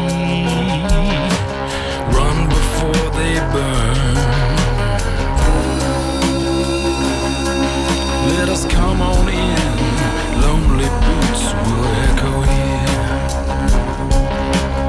Long after we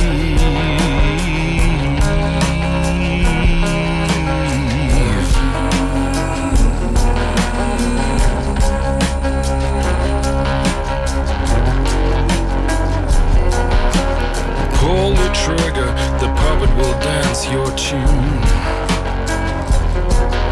The story is left far behind for another to tell soon.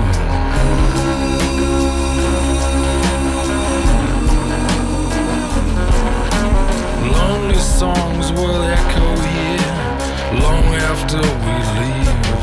Let us make a deal double or nothing.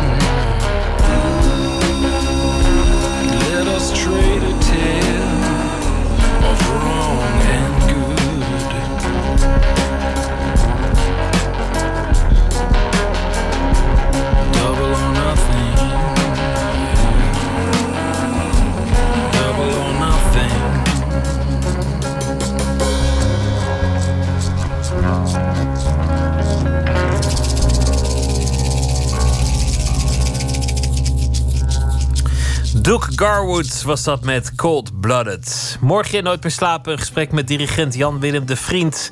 In 1982 richtte hij muziekensemble Combattimento op.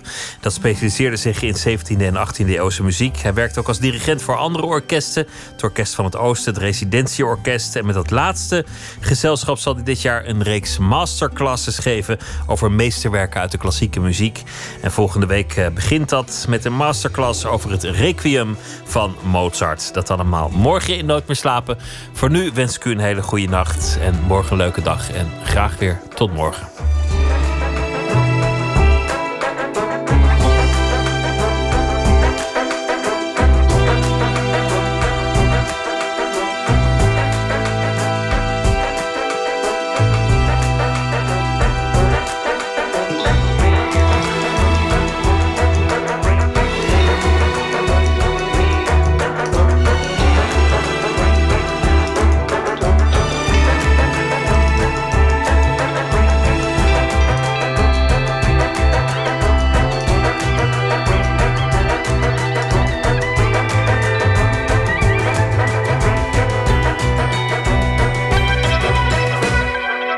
Radio 1, het nieuws van alle kanten.